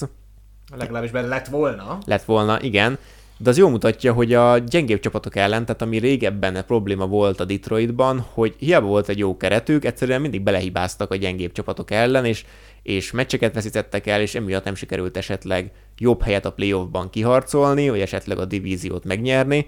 Nyilván egy olyan divíziót, ami több, 10, 10 éven keresztül Aaron Rodgers van, ott nehéz bármilyen babérokra is törni, de ugye Aaron Rodgers elkerült innen a divízióból, a Minnesota az olyan, amilyen, jelen pillanatban, ugye tavaly az inkább volt egy ilyen csoda, hogy, hogy nagyon közeli meccseket mindegyiket meg tudták nyerni, de jelen pillanatban nem állnak annyira jól, a Bearsről ne is beszéljünk, tehát hogy ez a másik visszafele haladó csapat inkább, de jó mutatja, hogy a sokkal gyengébb, én legalábbis sokkal gyengébbnek tartom Atlanta Falcons is 6 pontot tudták tartani, illetve a Buccaneers-t is ugye ugyanebből a divízióból, és hát aztán a Panthers, ugye az eddig nyeretlen Panthers is 42-24-re tudták az ötödik játék héten megverni, és tényleg az egyetlen vereségük a Seahawks ellen hazai pályán, az is csak hosszabbításban.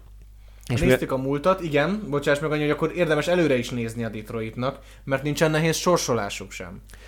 És ha itt most esetleg bele szaladunk tényleg csak gyorsan átfutni azt, hogy mégis milyen mérkőzések várnak erre a Detroitra. Lesz egy nagyon szép rangadója egyébként. Az biztos, viszont azt a mérkőzést leszámítva a Detroit azért elég jól áll. Ha most csak belefutunk, találkoznak a Baltimore-ral, ami azért lássuk őszintén, egy Detroiti sikert hoz. Ezután egy Raiders, egy Chargers, egy Bears, egy uh, Green Bay Packers, majd egy Saints, Bears, Broncos, Vikings, Dallas, és Minnesota Vikings ismét. Hát ebből konkrétan mi, a Dallas igazából kérdése számomra, meg a Lions, a Ravens kér, mérkőzés kérdése, ahol tényleg, az összes többi... ha mondjuk megnézzük a, az otcokat a fogadóirodáktban, akkor valószínűleg az a két meccs, ahol nem biztos, hogy esélyes a, a, a Lions, mindegyik más mérkőzésen szerintem torony magasan ők az esélyesek, ettől kezdve simán elvárható tőlük, hogy ugye három vereséggel zárjanak, tehát egy 14-3-as mérleggel, akár még egy első kiemelés is benne lehet náluk a, a nemzeti konferenciában, mert amit említettem, hogy mennyivel gyengébb jelen pillanatban a nemzeti konferencia, mint az amerikai konferencia, hát ugye a San Francisco-t, meg a Philadelphia-t leszámítva minden csapatnak legalább kettő veresége van.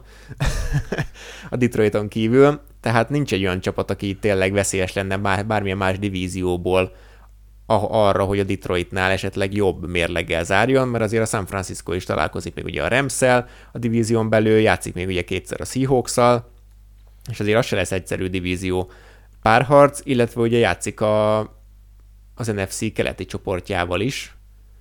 Igen, tehát játszik az eagles is, tehát, hogy ö, sokkal nehezebb a sorsolása, meg ők is játszanak a ravens meg a bengals is, sokkal nehezebb a sorsolása a 49ersnek, mint a Detroitnak. Tehát nem csodálkoznék, hogyha az első kiemelés meg lenne, és azzal az első hetes pihenő hét is a playoffban a Detroitnak, ami megadna egy jó lökést. Ez az a hazai pálya, tehát a Detroit már nagyon éhezik playoff meccsekre. Szerintem egész Detroit éhezik arra, hogy nem tudom pontosan, hogy a hoki és a baseball csapat milyen, Detroit városában. Hát a baseball nagyon-nagyon gyenge már évek óta, tehát két, két, 2010-es évek elején voltak nagyjából jók, ott a Miguel Cabrera féle csapat, de azóta nagyon alul vannak, a kosárlabdát, azt, azt igen. Ők tankolnak tíz éve, sehol igen. nem tartóan.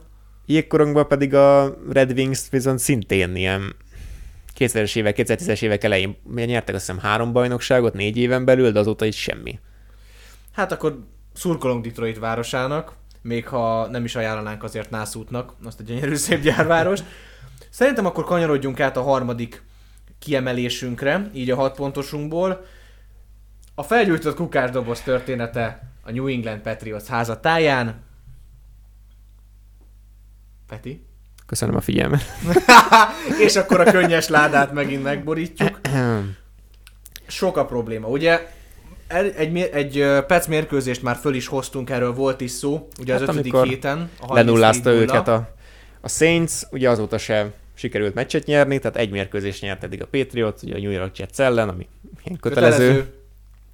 És hát ugye az irányítójukat meg Jones-t kétszer is leültette Belicek, de nem vagyok benne biztos, hogy az irányítóban van feltétlenül probléma hanem most lehet, hogy belém csap a villám, de el kéne gondolkodni Bill Belichicknek a eltávolításán. és most nem ilyen mafia módszerekkel, Nem, nem csak a szerződés. Nem ássuk el, szöges drót folyó semmi. Igen. Ugye Belicek nem csak vezetőedzői pozíciót tölt bennél a csapatnál. hanem ugye generál menedzser is, vagy hogy mondjuk ez Maradjunk általános igazgató. General manager. Általános igazgató is, tehát ő választja ki a játékosokat is hivatalosan a csapatba. Ez már túl nagy hatalom? És ez, a, hát ez ugye, ezt kapta meg még a 2000-es évek elején, tehát hogy lassan 20-25 éve ebben a szerepben játszik, és amikor sikeres volt a csapat, akkor mindenki, hogy hát ez csávó zseni. És tényleg az egyébként, tehát hogy azt, azt hozzá kell tenni, hogy védelmi koordinátorként Belicseknél nincs jobb valószínűleg a liga történetében. És ezt az idei védelmen is látjuk, csak eljutottunk arra a pontra, amikor a támadójáték annyira gyenge, hogy már a, a védelmet is demotiválja.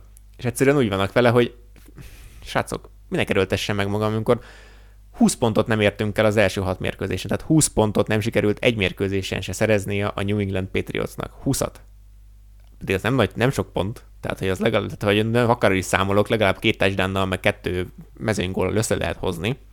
Csak azért 20 pont alatt Működik a matek, igen. igen, ha működik a matek, de azért 20 pont alatt tartani minden meccsen a másik csapatot, na az, az megint egy szép teljesítmény, főleg úgy, hogy ha a másik tehát a támadó játékosod eladja a labdát, tehát 10 turnoverrel kezdte, tehát 10 eladott labdával kezdtük a szezont, kezdték a szezont. Aki esetleg eddig nem tudta volna, hogy Peti milyen csapatnak szurkolnak, most remélem teljes mértékig nyilvánvalóvá Ke- kezdték vált. a szezont, és hát nyilván sokkal több támadó pozíciót, vagy possession kap az ellenfél, emiatt sokkal többet kell játszani a védelemnek is. És hát a védelem is, onnan is vannak hiányzók, ugye a idén draftolt Christian González a secondaryből kidőlt, pedig nagyon jól kezdett egyébként, tehát ő például nagyon hiányzik onnan, de a védő sor többi részén is vannak hiányzók, és hát évek óta az van egyébként, tehát amíg a Brady korszak utolsó pár évében is az lehetett érezni, hogy nem jó a keret. Tehát nincsenek olyan játékosok, akikre lehet építeni. És ez kinek köszönhető? Hát az ügyvezető igazgatónak. Tehát CEO bácsinak. a- GM-nek, tehát ettől kezdve Bill Belichicknek. Tehát nem tud másra mutogatni, tehát lehet mondani, hogy most jó edző, meg minden, igen, de GM-ként nem jó már szerintem. Tehát nem, nem mérzi át azt, hogy túlságosan az előző korszakban maradt, egy nagyon régi motoros edzőről van szó, nyilván már 70 plusz éves, inkább a 80 felé közelít már, és hát nem tud annyira rezonálni ezzel az új generáció játékosokkal, hogy mi kell nekik ahhoz, hogy sikeresek legyenek, mi kell nekik. Tehát régebben az volt, hogy mindenki oda akar, mindenki a Patriotshoz akart jönni játszani, mert Belicek megmutatja nekik, hogyan kell igazi futballt játszani, hogyan kell jól játszani, hogyan kell tényleg oda tenni magunkat, és minden egyes taktikai részét a játéknak átlátni. De jelen pillanatban azt érzi az, azt érzi az ember, hogy ez az új generáció vonal a, já- a játékosoknál inkább úgy van, hogy nem megyek New Englandbe, mert minek egyszerűen csak, csak el fogja venni a kedvemet az élettől konkrétan Belicek azzal, hogy focitól. kiveri belőlem a, hát a tudjuk mit is, mert a Brady is egyébként, amikor, mondta, amikor eljött a patriots mondta, hogy hát igen, azért kell egy gyomor ahhoz, hogy a, a Belicseket éveken keresztül elviseljék, és amikor a Brady még ott volt, akkor azért itt tompított a, a Bill féle keménykedése, mert azért a meetingek után, amikor leordítja a játékos, meg elküldi az ide, meg oda, meg amoda, meg hazaküldi, meg, meg nem játszott a következő meccsen ezért, meg azért, meg amazért, akkor azért a Brady azért, vissza, azért oda ment a játékosokhoz, és mondta nekik, hogy oké, okay, nem, tehát hogy nyilván ő ilyen, de azért a nap végén nyerni fogunk, tehát hogy azért végén csak megéri. Van neki azért hozadéka Igen, de most, hogy már nem is nyernek, így már milyen hozadék van azon kívül, hogy megkeseríted az életemet, és, és egyszerűen nem élvezem a játékot. Tehát kezdjük ott, hogy szerintem első pont, tehát ugye nem is teljesen eltávolítani a csapatból, én a GM részét a munkakörének, azt én megvonnám tőle az év végén mindenképpen, ha Robert Kraft lennék. Aztán nem tudom, tehát hogy a edzőitől is, vagy sem, az a baj, hogy most találni nála tényleg jobb vezetőedzőt jelen pillanatban a, a piacon nagyon nehéz lenne. Nyilván most odahozták ö, Bill O'Reilly-t, a mm, Houston Texansnak volt ugye edzője, meg ugye a Penn State-nél is volt vezetőedző, odahozták támadó irányít, támadó koordinátornak, ő lehet egy ilyen automatikus ö, hogy mondjam, ilyen követője Belicseknek, de hát ő se egy, tehát hogy Houstonban se volt annyira erős, a Penn State-nél se volt annyira, annyira erős, de ha nem is Belicseket próbáljuk megváltoztatni, akkor pedig itt a szezon hátra lévő részében én nagyon remélem, hogy nem fognak erőlködni, és, és rámenni esetleg, hogy hú, majd a szezon közepén akkor... Hanem akkor inkább pikre. Akkor inkább pikre menjünk, mert most egy tényleg olyan irányító osztály jön ki az egyetemekről, ami így a következő, tehát az elmúlt 20 évben nem volt, és a következő 20 évben se lesz. Tehát ha nem lepődik meg, ha a top 6 választás a következő drafton, az irányító lenne. Tehát Caleb Williams, ugye a USC-ről, már rengeteget beszéltem róla, Drake May az Észak-Carolina Egyetemről róla is, de ott van most Michael Penix Jr. a Washingtonnál, aki jelen pillanatban szerintem a legjobb játékos az egyetemben, és lehet, hogy ő nyeri meg a végén a, a Heisman trófeát a szezon végén, de ott van Bonix is, UCLA-nél is van egy nagyon jó kezdőirányító, csak ő még freshman, tehát ő még nem fog tudni kijönni a draftra, de hogy tényleg van 4-5-6 olyan irányító, akit, akit nem fogsz máskor, másik évben megtalálni, csak szerintem túl büszke ahhoz Belicek, hogy ezt ő bevallja magának, illetve az egész tábnak, hogy akkor mi most nem fogunk. Hanem a pikre megyünk. Aj, hanem a pikre megyünk. Hát Igen. a győzelmek kellenek azért egy bizonyos szempontból Belicseknek. Felmerül egy olyan kérdés, hogy vajon rámegye arra, hogy a rekorddöntések közepette, ami szerintem a mai adás neki szenteljük majd a rekordoknak, megdöntse Don Sula, hogyha jól mondtam, Igen. 328 győzelmét be, tehát ugye 328 győzelemmel állította be a rekordot, jelenleg Belicek 298 áll, tehát egy gyors matematika után ez 30 darab győzelmet jelent, ami legjobb esetben két szezon. Hát az nagyon-nagyon jó De szezon az lenne. olyan, az olyan szezon, hogy ott, ott, ott, ott Brady Igen, tehát hogy szerintem ez, fiatalítunk rajta. ez az egyetlen dolog az, ami meggátolja a Beliceket abból, hogy visszavonuljon szerintem. Mindenképpen szeretné a legtöbb győzelemmel befejezni a pályafutását, bár egy másik kérdés, hogyha megnézzük Andy Reid-et, akkor ő is nagyon közel van egyébként Belicsekhez, meg a legjobb rekordhoz, tehát lehet, hogy most kibrusztolja valahogy a következő évekből az, az, ezt a rekordot Belicek, aztán lehet, hogy év múlva Andy Reid egyébként nem lehet, de biztos, hogy megdönti, főleg a Patrick Mahomes egészséges marad, és még játszik 15 évig és ami egyébként meg is történhet. Ami viszont érdekes, hogy pont ezzel a vereséggel viszont egyre közelebb kerül ahhoz, hogy neki legyen a legtöbb veresége is. Tehát, hogy ennek is megvan a, a másik éle a dolognak. Veszélyes játékot űz az öreg. És valószínűleg idén meg is lesz neki, tehát hogy nem is tudom, most fejből ilyen 3-4-5 meccsre van attól, hogy neki legyen a, valaha a legtöbb veresége az NFL-ben.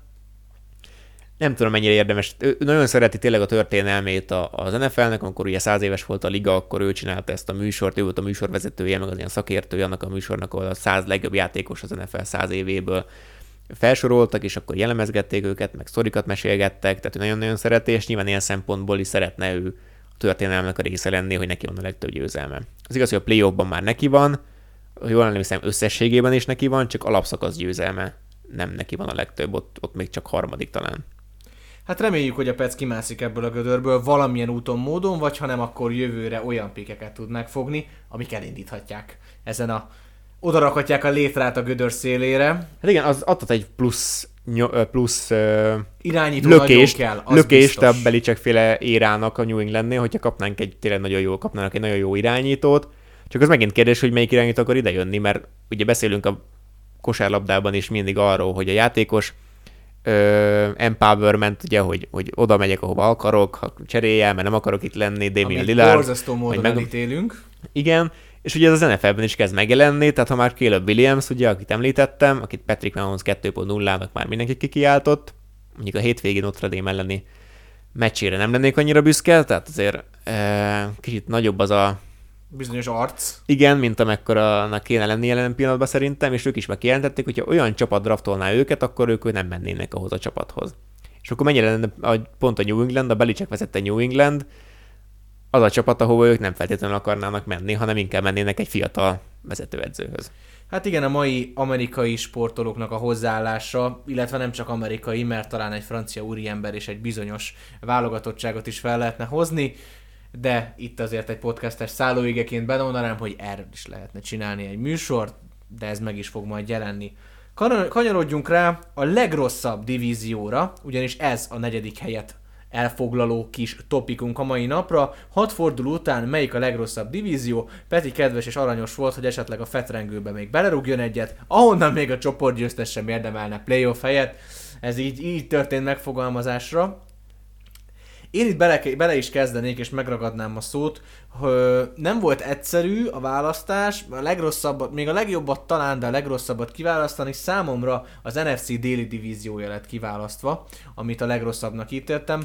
Részben azért, mert itt található a Carolina Panthers együttese, aki egyedülálló módon nyeretlenként 0-6 talál a bajnokságba, az Atalanta Falcons, Atlanta, Atalanta, igen, a Olaszország és Amerika nálam gyakran találkozik. Atlanta Falcons a New Orleans Saints csapatával karöltve 3-3-mal áll, és olyan csapatok, amiknél nem tudjuk, hogy merre van az előre. Ezen kívül a divízió legjobb csapata, a Tampa Bay Buccaneers 3-2-es állással, akik szintén nem a legrózsásabb szezon tudják azért maguk mögött, bár itt sincs sok azért az elkeseredésre, mert a vereségeiknél azért egy Philadelphia Eagles befigyelt, valamint egy Detroit Lions, tehát két olyan mérkőzés, amit bármelyik csapatnál azt mondanánk, hogy jó, ez belefért, de akkor is választani kellett egy divíziót, és számomra ők lettek azok. Többek között azért, mert itt találtam számszarik, számszakilag a legkevesebb győzelmet, és pontosan ezért vice verzában a legtöbb vereséget,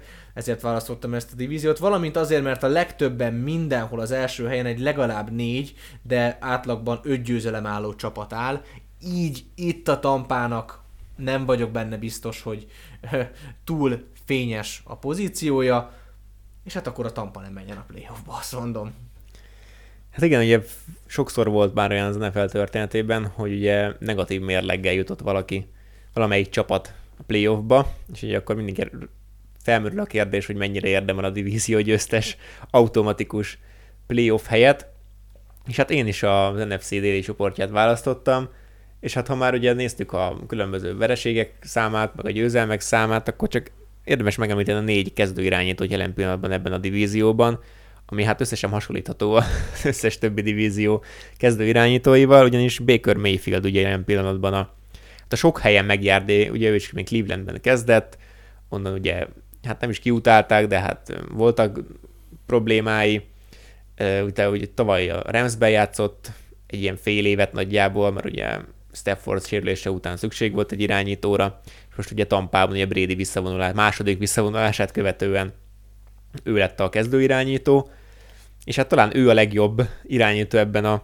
ebben a divízióban, de hát így liga szinten nem mondanám top 10-es irányítónak se, inkább top 15-nek sem, tehát inkább ilyen középszerű irányító Baker Mayfield, de hát az Atlanta sem jobb, ott Desmond Ritter az irányító, és hát ő is ilyen, oké, okay, kell egy irányító, ezért kiválasztottuk két évvel ezelőtt a második vagy harmadik körben, már így fejből nem tudom, de itt is szükség lenne mindenképpen egy, egy normális, tényleg született kezdő irányítóra, mert olyan a támadósor, amit bármilyen jobb képesség, egy csak egy picit jobb képességű irányítót tökéletesen ki tudna használni. A Saintsnél ugye Derek Carr az irányító, aki ugye megjárta már a Raiders-t, de ott is igazából összeveszett a vezetőedzővel, meg az egész csapattal, ő is ilyen nagyon középszerű, megjárta már a playoffot, de hát ott sok siker nem jött neki, ezért ugye az idén nyáron a Saintshez igazolt, ahol már nagyon Drew Brees visszavonulása óta nagyon keresnek egy, egy rendes irányítót, és ő is már lassan, hát lassan már tíz éve visszavonult, vagy nem is tudom már hány éve. Nagyon régóta keresik azt az irányítót. Igen, és a Carolina-ról ugye, hát majd külön fogunk beszélni a következő topikban, ott pedig ugye az újonc Bryce Young, a kezdő irányító, Hát szerintem térjünk is le a következő topikra, az ötödikre, mert... Ez az igazán jó, és itt látszik meg a, a, a, a régóta a podcast, podcast páros ebből a szempontból az NBA és műsor, hogy pontosan most akartam, hogy hát akkor vezessük is. De hát látom az elkeseredettséget és az összeomlást az arcodon, Peti. Temesd el nekünk. Hát igen, tehát a New England Patriots drukker vagyok, de Carolina Panthers drukker még kevésbé lennék, mert ez a kiláthatatlanság felső foka, ami ott a Panthersnél van jelen pillanatban, olyan szempontból, hogy ugye tavasszal felcseréltek ugye egy per egyre a Berszel szemben, ugye a Bersz úgy gondolta, hogy van egy kezdő irányító a Justin Fields személyében, hát ezt idén lehet, hogy átgondolják még egyszer. De nem biztos, hogy visszacsinálnák. Nem biztos, hogy visszacsinálnak, igen, mert ugye nem csak az a elsőkörös csere volt ott a draftjogoknál, hanem ugye más draftjogok is helyet cseréltek, és nyilván a Bersz egy csomó új draftjogot kapott, például jövő évben ugye jövők a Panthersnek a draftjoga. Tehát simán lehet, hogy a Bears ismét egy per egyben választhat. Hát, hogyha így nézzünk ki, elég valószínű. És lehet, hogy egy sokkal jobb irányítót fog kiválasztani magának, mint hogy a Panthers tette Bryce Young személyében.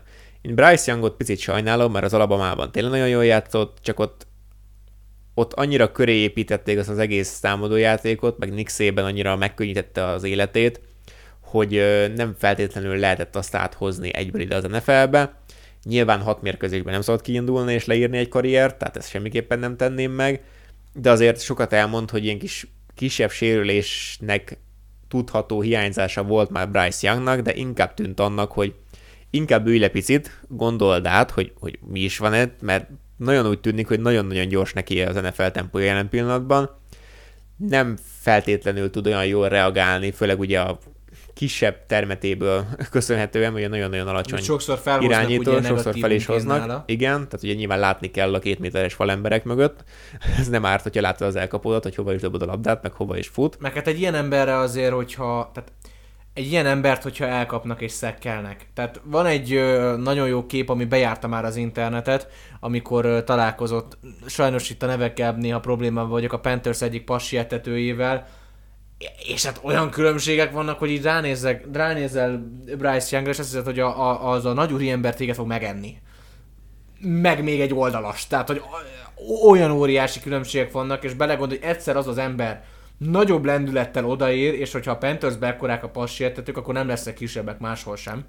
Egyszer odaér, akkor itt, itt egy nagy sérülés lesz, aztán igen, sajnos, tehát, hogy ezt, ugye, mondta, hogy említettem a Colts újonc irányítóját, Anthony richardson ő sokkal nagyobb darab, mint, mint Bryce Young, nyilván többet is fut, de nála is volt, előjöttek már a sérülések, és hát ha meg tényleg sérült lesz Bryce Young, és nem fog tudni játszani, és nem fogja tudni kifejleszteni azt a játékot, amit játszania kellene itt az újon szezonjában, vagy a második évében, akkor itt megrekedhet ebben a pozícióban, és, és megint ott állhat a Panthers, hogy oké, okay, eldobtunk egy csomó elsőkörös választást, de közben irányítónk meg nem lett.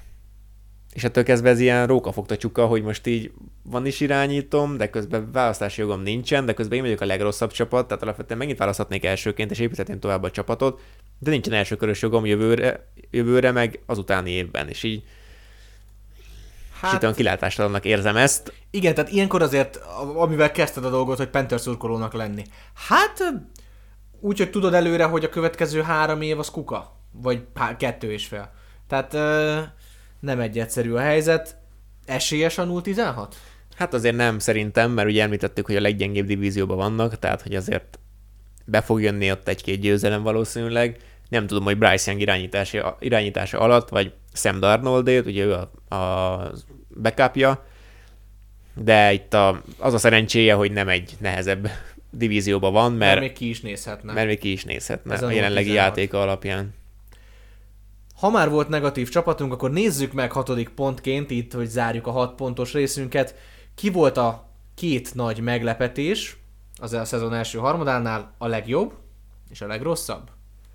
Nekem a pozitív meglepetés a másik kedvenc csapatom a, a Nemzeti Konferenciából, van egy az amerikaiból, a Patriots, meg van egy a Nemzeti Konferenciában, Los Angeles Rams, akiket így a szezon elején kikiáltottak, mint hát lehetséges, hogy a legrosszabb a tavalyi szezon után. Tavalyi szezon után, igen, eredménnyel fognak zárni. Tehát a tavalyi szezonhoz hozzátartozik, hogy ugye rengeteg sérülés volt, tehát hogy Matthew Stafford nagyon hamar kidőlt, ugye Cooper Cup is nagyon hamar kidőlt, sőt annyira kidőlt, hogy az idei szezon elején sem játszott. De ugye van Pukanakua, az új újonc irányít, elkapójuk a BYU-ról, aki itt mindenféle újonc rekordokat döntöget, és esélyes is lehet akár az újonc, legjobb újonc támadó játékos díjára is egyébként. Nagy meglepetésre, mert őt is valami negyedik, ötödik körben választották ki. Üm, és ugye, ha már kevés draftjog, akkor a Ramsnek nagyon-nagyon kevés draftjoga van, de ők legalább egy Super Bowl-ra tudták váltani két évvel ezelőtt, tehát olyan szempontból azért megvolt ennek a gyümölcse.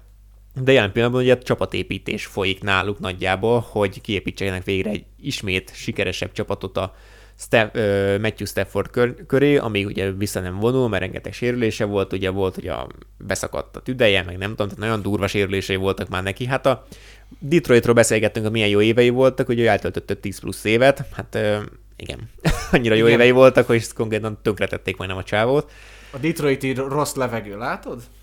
Igen. Aztán nem hogy a Los Angelesbe, és első évben is nyert a Super Bowl-t, de hogy 3-3-on állnak jelen pillanatban, és ö, tényleg az látszik, hogy ö, Sean McVay, ugye az edzőjük, nem adta fel ezt a, ezt a csapatot, hanem mindenképpen próbálnak egy wildcard pozíciót itt megszerezni a play és szerintem, ahogy az NFC-t elnézzük erre egyébként esélyük is lehet.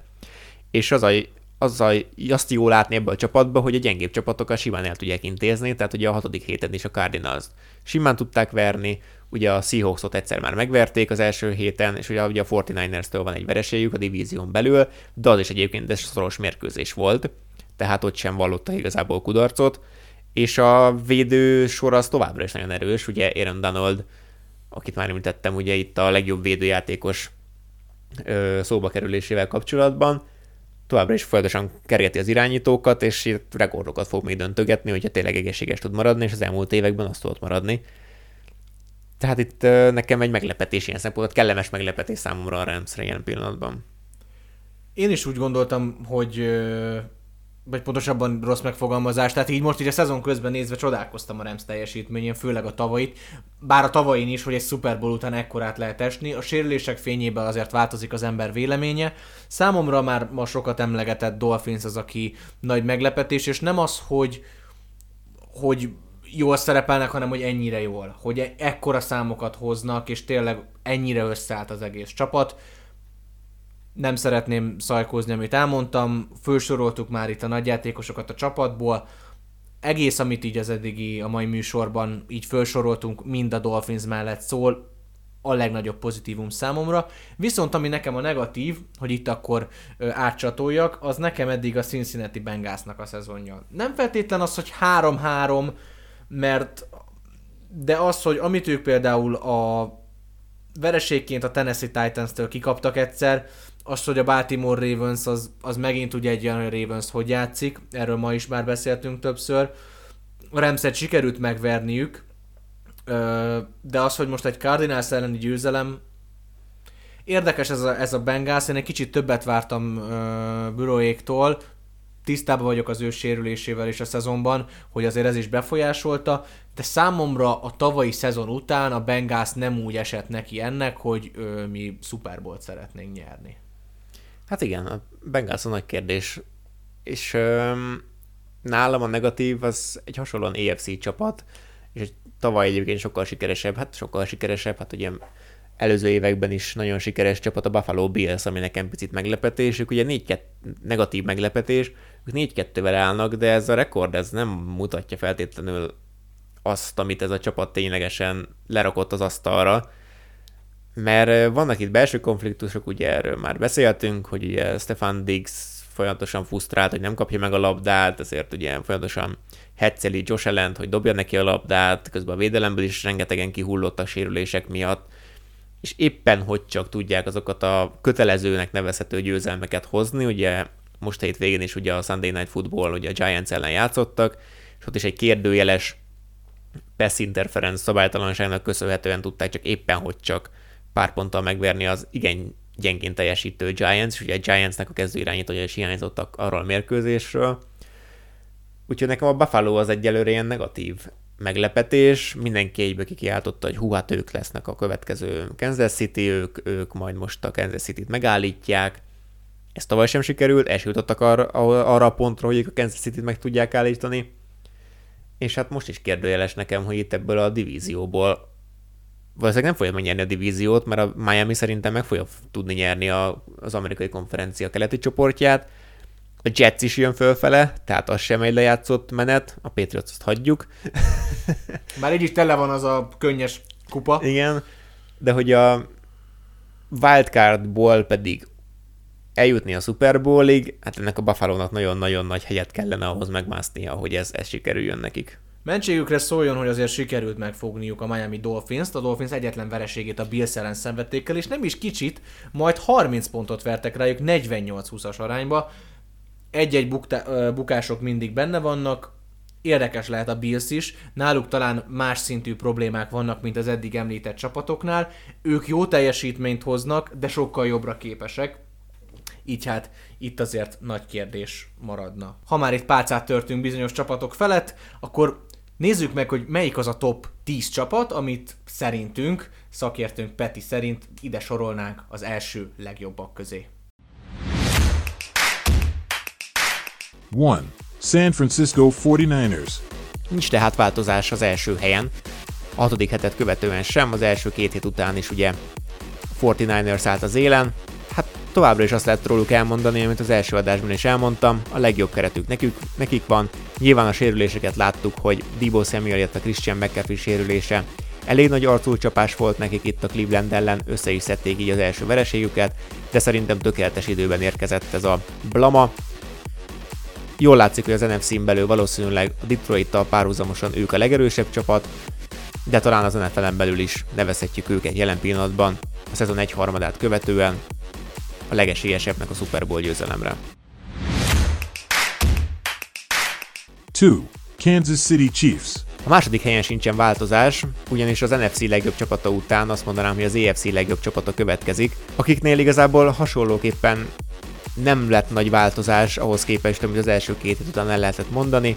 A védelem meglepően jól játszik, nehéz ellenük pontot szerezni, míg ők nyilván Mahomes, illetve Andy Reidnek a rendkívül kifinomult támadójátékának, illetve támadó agyának köszönhetően fontosan tudnak pontokat hozni, bármennyire is továbbra is szenvednek azzal, hogy az elkapok egyszerűen nem tudják magukat szeparálni a védőéktől, nem tudnak üres, nem tudják magukat üresre játszani, illetve az elkapások is továbbra is problémát okoznak. Travis Kelsey felépült, teljesen egészséges, hát ugye ha nem lenne, akkor Taylor Swift se lenne az NFL-ben, úgyhogy továbbra is másodikak.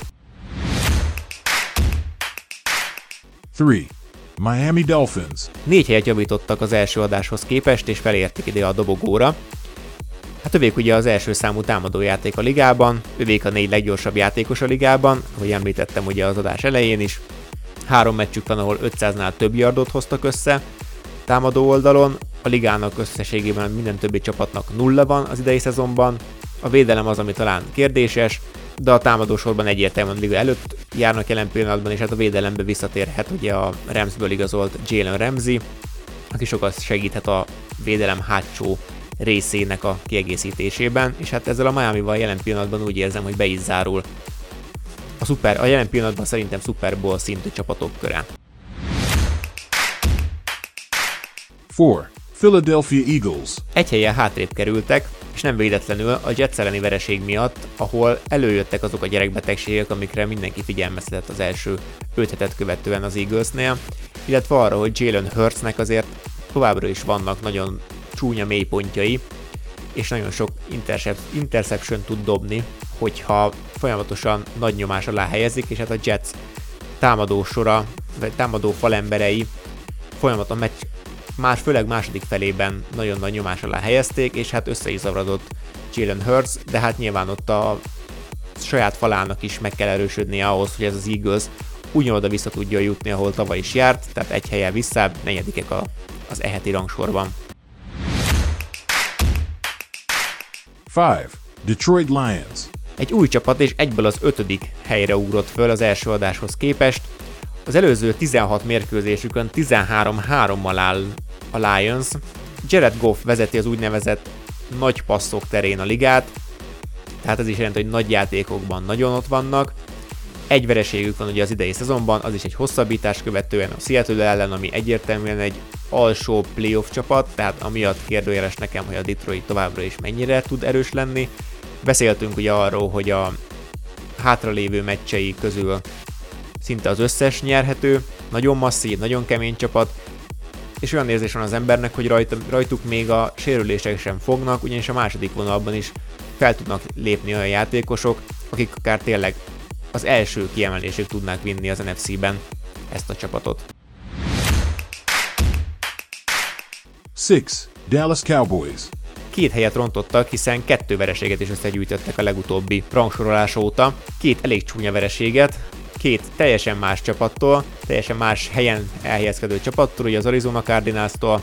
A harmadik héten egy nagyon-nagyon nagy meglepetés volt, bár olyan szempontból talán nem meglepetés, hogy a Dallasban mindig benne van egy ilyen furcsa vereség, illetve a másik ugye a nagy rivális 49ers-el szemben, ami egy teljes blowout volt, ugye 42-10-re intézte el őket a San Franciscoi csapat, de ugye egyből vissza is tértek, és a tegnapi hétfő esti rangadón a Chargers sikerült idegenben Los Angelesben megverniük, így 4-2-re módosult az állás.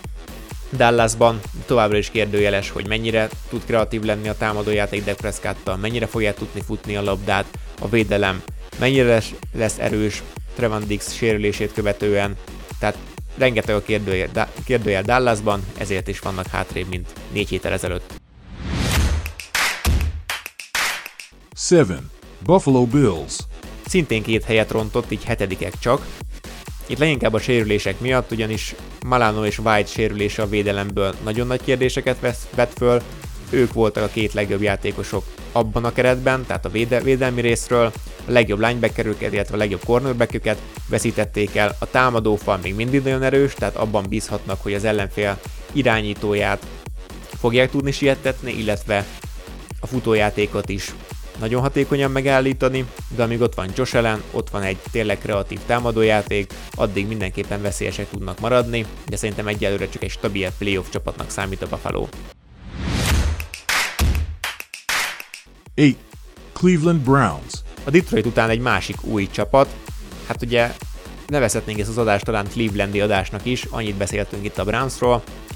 Hát szinte minden fontos védelmi kategóriában. Első helyen állnak a ligában, ezért is vannak nekem itt a top 10-ben, és meglepően ugye a saját divíziójukból, ami nagyon élesen alakul az idei szezonban is, ők vannak a legmagasabban rangsorolva, mert ugye ahogy a mondás is tartja, védelem nyeri a bajnokságokat, és emiatt úgy gondolom, hogy a Cleveland mindenképpen esélyes arra, hogy egy jó kiemelést tudjon szerezni a rájátszásra, és hát eleve, hogy rájátszásba jusson, amire ugye nagyon ritkán volt példa, vagy precedens az elmúlt évtizedekben a Brownsnál. 9. Cincinnati Bengals. És ha már ugye EFC északi csoport, plusz egy helyet javítva feljöttek ugye a 9. helyre, és a 0-2-s kezdés után most 3-3-mal állnak, és nem igazán érdekel egyébként náluk a rekord. Ha őszinte leszek, ugyanis tavaly is nagyon gyengén kezdtek, és végül az utolsó 11 meccsükből 10 meg tudtak nyerni, és ugye végül egy egészen a konferencia döntői meneteltek, tavalyi szezon ö, végén, és ugye itt is látszódik, hogy az elmúlt két meccsen már Joe Burrow teljesen egészségesnek látszódott, és hogy az előző adásban is említettem, addig fog tudni menni ez a Cincinnati, ameddig Joe Burrow tudja őket vinni, és amennyire egészséges marad, és ö, bármennyire is gyengébb az idei keret, mint a tavalyi az elmúlt években voltak, Joe Burrow egy olyan játékos, aki szerintem jelen pillanatban a legjobb irányító az NFL-ben, tudom, hogy a Patrick Mahomes szurkolók, illetve a Chiefs szurkolók ezt nem fogják szeretni, de ettől függetlenül szerintem Joe Burrow a következő 20 év legmeghatározóbb irányítója lehet, és hát az elmúlt négy évben is nagyon szenvedtek szeptemberben, illetve kora októberben, és akkor is ugye az elmúlt négy évben is egy Super Bowl-ig, illetve egy konferencia döntőig tudtak jutni. 10. Los Angeles Rams. Egy újabb Bujons csapat a listán, és ez kicsit olyan, olyan magamnak is szól ez a rangsorolás, hogy legalább egyszer az egyik kedvenc csapatomat be tudjam rakni a top 10-be, de alapvetően szerintem megérdemelt egyébként, és mindenképpen számítok rá, hogy playoff esélyes lesz az a csapat, hogyha egészséges tud maradni a keret, és leginkább ugye Matthew Stafford, a hát nagyon-nagyon fontos irányító, ugye ez egyetlen egy szezon játszott eddig egészségesen végig a Ramsben, meg is nyerte akkor a Rams a Super Bowl-t, de jó csapat kezd el felépülni, Sean McVay zsenialitása rengeteget számít, szerencsére nem adta fel itt az edzősködés, volt róla szó, hogy esetleg elmenne tévézni, nyilván alapvetően megvan hozzá a kalibere, de mindenképpen fontos, hogy az ő agya az NFL-ben legyen, és hát a Rams is bizonyította, hogy a gyengébb csapatokat könnyedén meg tudják verni, és hát az erősebb csapatokat is meg tudják szorongatni, úgyhogy kíváncsian várom, hogy hogyan alakul a Ramsnek a hátra lévő szezonja. Következő hetekben leülünk a tévé elé, Peti, mik azok a mérkőzések, vagy pontosabban melyek azok a csapatok, akiknek a párharcára érdemes lesz odafigyelnünk? Hát ugye az előző héthez képest most csak heti egyeket hoztam, szerintem mindenkinek sok a dolga. nem Dolgozunk, lehet egész nap a tévét. belefér. Így van, vasárnap este azért kell a párunkkal is beszélgetni néha. Vagy NFL meccset nézni. Vagy NFL meccset nézni, igen. Tehát heti egy meccsre fókuszálunk csak, és a következő hétvégén, a mostanin, ugye hosszú hétvége lesz, tehát ugye sokáig fent lehet maradni, lehet nézni a, az NFL meccseket, mert ugye hétfőn nem kell menni dolgozóba, úgyhogy Így ezeket van. mindig ki kell használni itt az ősszel de egy 7 órási meccset, ennek ellenére egy 7 órási meccset, amit nagyjából könnyedén meg lehet nézni, emelnék ki, ez pedig a Detroit Lions látogat a Baltimore Ravenshez, amit ugye már itt ki is említettük ezt a csapatot sokszor a mostani adásban, ezt a két csapatot, hogy ez a Detroitnak azért ez szerintem egy nagy teszt lesz itt, hogy a, az AFC-ben azért babérokra törő Baltimore ellen mit tud hozni. Szerintem ez, ez egy izgalmas döntő lehet itt a hetedik héten, hogy melyik csapat merre indul el, mert a Detroit ezt a mérkőzést is be tudja húzni, akkor ugye beszéltük, hogy az utolsó öti fordulót leszámítva igazából elég könnyű ellenfelei vannak. Kisöpri a liga hátra levő részét. Simán benne lehet a pakliban, úgyhogy ez egy miatt is izgalmas lehet, és hát két tényleg playoff esélyes csapatról van szó. Ugye egy héttel tovább megyünk, már, már szinte november, sőt nem is szinte, hanem de, az még, hát még nem november, az még október vége, de a nyolcadik héten a Cincinnati Bengals látogat a San Francisco 49ershez, ez egy fél tízes mérkőzés, ez azért jó az a hét, mert ott ugye Amerikában már előre fogják állítani az órát, nálunk pedig még nem, és mindig van egy ilyen hét az ősszel, amikor egy órával hamarabb kezdődnek a mérkőzések, így a amúgy fél tizenegykor kezdődő mérkőzés, a fél tízkor fognak kezdődni, tehát azok, azok is nagyjából nézhetővé válnak. Sanszosabb, hogy nem alszunk be rajtuk. Így van, és másnap reggel fel tudunk kelni.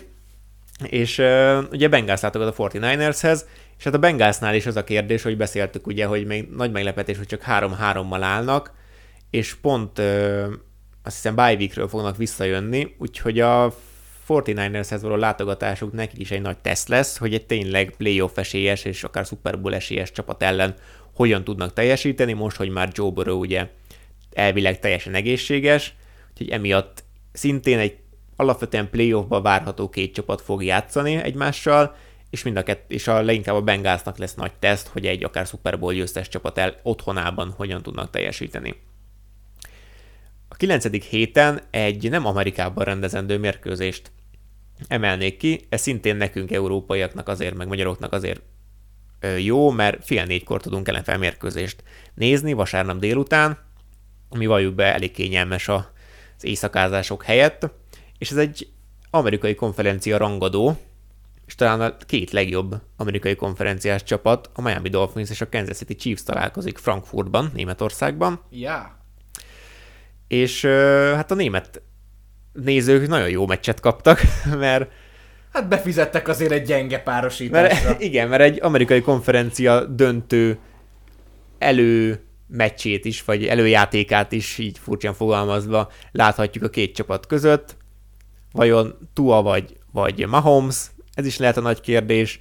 Mit kezd a Chiefs védelme, ami alapvetően eddig jól teljesített, a Dolphinsnak a lehengerlő támadójátékával, és hát mit kezd a két csapattal a nagy utazás, mert hát az is beszokta folyás, na, folyásolni a, a játékosokat. Folyásolni be a... Igen, a játékosokat, hogy ugyan sokat kell utazni, játszani kell, majd megint visszautazni, úgyhogy ez is hogyan tudják ezt, a két csapat hogyan tudja ezt az utazást kezelni. A tizedik hétre pedig a Cleveland Browns Baltimore Ravens visszavágóját, hogy is nevezhetjük, ugye a divízió ö, riválisok, tehát ugye kétszer játszanak egy éven belül egymással. Ezt is este, hétkor fogják a tizedik héten rendezni, tehát ez is kényelmes időben megtekinthető. És hát a Browns addigra talál-e magának irányítót, és lesz-e végre egy normális támadójátéka, és hát a Ravens ismét tud-e 20 pontnál többet szerezni a Browns ellen, mert más csapatnak ugye nem igazán sikerült, a, még a Steelersnek, de azért fontos lehet itt, hogy az amerikai konferencia északi csoportjában ki lesz végül a győztes, mert ugye itt a Browns, Ravens, Steelers 3-as, meg ugye ott van még a Bengals is, ne felejtsük el, ez egy fontos meccs lehet, hogy ki tudja magát így kicsit előrébb helyezni. Már itt a tizedik héten ugye már itt hasítunk a playoff felé, de a szezon majdnem, hogy már, már több, mint a felénél, ki tud egy lépéssel előrébb kerülni, és akár a divízió győzelem felé egy nagy lépés megtenni.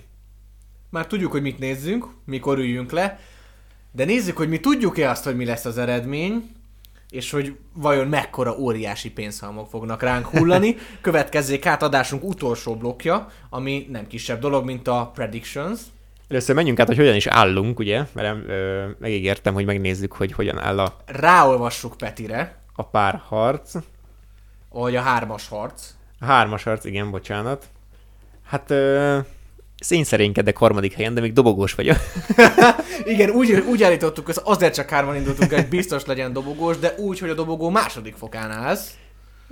ja, igaz, mert ugye holt verseny van az első helyen, ugye a két Ádám ugye 3 1 illetve 3 1 állnak, de én sem szerénykedek, mert én is 2-2-vel, tehát azért nem vagyok lemaradva. De nézzük is meg, hogy miket tippeltünk itt a következő négy hétre, a hetediktől a tizedik hétig. Drága Drusszámnak a tipjével kezdek, ahogy ezzel ő is megtisztelt engem a múlt héten. Ő a hetedik hétre egy Jaguar Saints mérkőzés. Ismét egy csütörtök esti rangadó. Így van, Gorcsó alá. Nem szeret várni, egyből tudni akarja, hogy mi az eredmény, meg is értem. Ö, így van.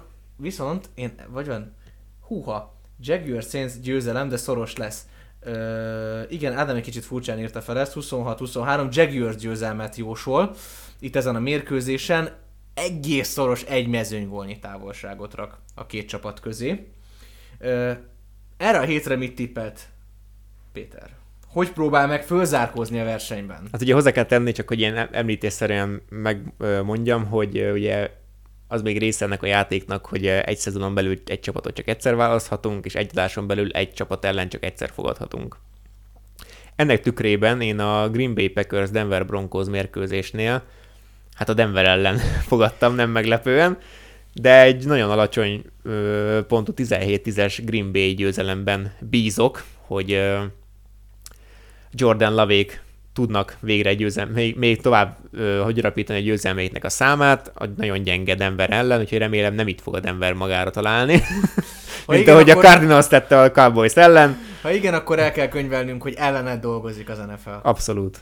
Abszolút. Az én hetedik heti tippem pedig egy Buffalo Bills New England Patriots mérkőzés. Én itt Pets ellen tettem, illetve a Bills mellett egy 28-10-es győzelmet jósolok a Billsnek. Nem nagyobbat, mert úgy gondolom, hogy bár elég gyenge szezonja van a Petsnek, ahogy arra ma többször is kitértünk, egy 14 pontos for tudnak majd összepakolni ellene.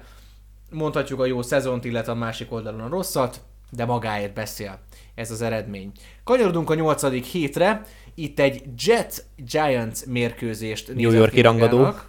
Egy városi rangadót, amit kivételesen nem a Madison Square Gardenben rendeznek, ugyebár egy nem túl erős meccsen Jets győzelem fog érkezni, méghozzá 20-15-ös arányban.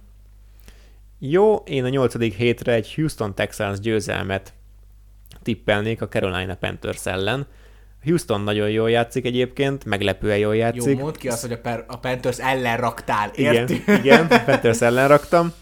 Um, CJ Stroud egyébként a irány, az újonc irányítók közül számomra a legnagyobb meglepetés, és egy 21-17-es győzelmet tippelnék itt a Houston javára. Gyönyörű, gyönyörű eredmények, 9. hétre rákanyarodva. Dolphins... Várjál, te nyolcadikat. Bocsáss meg, igen, az én nyolcadikam. Hát már el sem mondom, nem kell azt tudnotok. Ö, gyakori jelenség amúgy, én úgy vettem észre, hogy sokszor valaki ellen rakunk inkább sem, mint valaki mellett Hát, rakunk. ja. A nyolcadik héten én a Raiders ellen raktam a Detroit, Detroit Lions csapatát. Nem kell magyarázni a Detroitot, illetve a gyenge Raiders sem.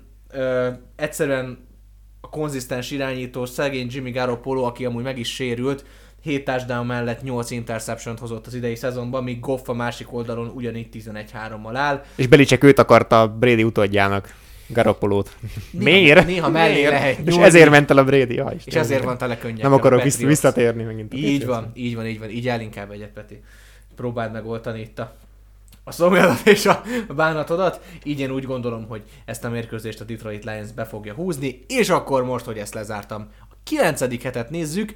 Itt hát Dolphins Chiefs mérkőzés, és Ádám letett a kedvenc csapatáról, hölgyeim és uraim, ami lett így harangozva. A Chiefs ezen a ponton ö, egy nagyon jó formát fog hozni, komoly mesnek í- ígérkezik, és én nem tudom, hogy jó a megfogalmazás, fázom a Dolphins zakótól, ez egy gyönyörű metafora, vagy kép, vagy most verne agyon az irodalom tanárom. Azt mondja Ádám, hogy Chiefs győzelem 30-28, és most éreztük, kedves Druszámmal egymást, ugyanis én is a Miami Dolphins Kansas City Chiefs párharcot hozom, és ugyanígy a Chiefs-et hozom ki győztesként, Hoppá. hasonló különbséggel, én 28-25-öt tippelek, és ez az én, mert Mona azt mondta tippem, ami minden Bátraké hétre a szerencse, mert azért ez egy rangadó. Ez egy rangadó, és úgy gondolta, hogy ez lesz az a pont, amikor a Dolphins uh, bukdácsolni fog, és a Chiefs meg fogja húzni. Felkészül a Chiefs a Dolphins csapatából, ők azért mondjuk úgy, hogy kiegyensúlyozottabban azért már több éve vannak a liga top tetején, így is mondhatjuk, és a két irányító elég hasonló, mind a pontokba, mind a szerzett yardokba, touchdown, interception, szekekbe, mindenbe, és itt talán inkább a védelmen fog múlni, amiben egy kicsit a Chiefs jobbnak tűnik, erősebbnek, így a 9. hétre ö, én őket hozom, de hát Most megerőztelek, Peti, csak az összehasonlítást véget. Semmi probléma, én a Tampa Bay Buccaneers győzelmére fogadnék a Houston Texans ellen, tehát ha már egyszer a Houston mellett, akkor ellene is. Így szép a, így szép a történet. 28-24-es floridai győzelem a texasiak ellen. Nagyon nincs mit hozzáfűzni. Ennyi. És hát akkor a tizedik hét az utolsó predikcióink, jóslataink. A tizedik héten egy Lions Chargers-on sima Lions győzelmet jósol Ádám, 32-13-as összesítéssel. Úgy tűnik, tényleg házat, kocsit, asszonyt a Lionsre. Én pedig a Jetsre fogadnék itt a Raiders ellen. 21-14-es Jets győzelem a Raiders otthonában. Mondjuk bátor vagyok egyébként, most nézem, hogy négy idegenbeli csapatra Bátra ki a fogadtam. És igazából ez akkor lesz majd érdekes, hogyha szépen fogyatkoznak a csapatok. Tehát ugye kilőttünk, ki fogunk így lőni már ugye nyolc csapatot, és azért itt nagy többségünknél kilőttük a nyolc legjobbat. Hát azért én nem feltétlenül. A 49ersre még nem fogadtam például. Így van, meg nekem a, is Meg a New Englandre sem. Ja. Még a New Englandre sem. Az én utolsó tippem pedig a tizedik hétre, az egy New York Giants Dallas Cowboys mérkőzés. Egy szoros meccsen én itt Dallas Cowboys győzelmet jósolok, mégpedig a Cowboys védelme fogja jelenteni ezen a mérkőzésen a különbséget, egy kicsit úgy, mint előtte a Chiefs. Az első heti 40-0 után szoros meccs. Szoros meccs lesz. úgy gondolom, hogy meg kell húzni a váratlant, és én itt egy Prescott-Jones összehasonlításban talán kicsit Prescottot hoznám ki.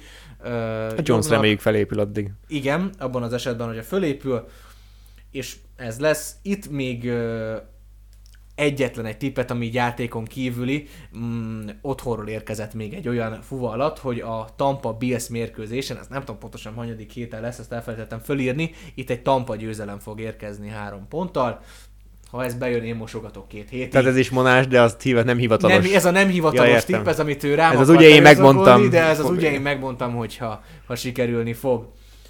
Lezárjuk ezzel az elmúlt hetet, kicsit előre tekint, elmúlt heteket, és előre tekintünk a következő négy hétre. Akkor ismét érkezni fogunk, górcső alá vesszük, hogy mi történt az elmúlt négy hétben, és ugyanúgy, ahogy eddig is megszokhattátok, így a második adásra már ezt kijelenthetjük. A tematikánkat érkezni fogunk eredményekkel, mindennel. A mai adásból kimaradt Ádám, reméljük a következőre már akár hárman le tudunk ülni, és még jobb diszkuszálások és megbeszélések lesznek, és eldöntjük, hogy ki nyer, vagy ki veszít. Köszönjük szépen ezúton is a figyelmet, sziasztok! Hajrá, Rams!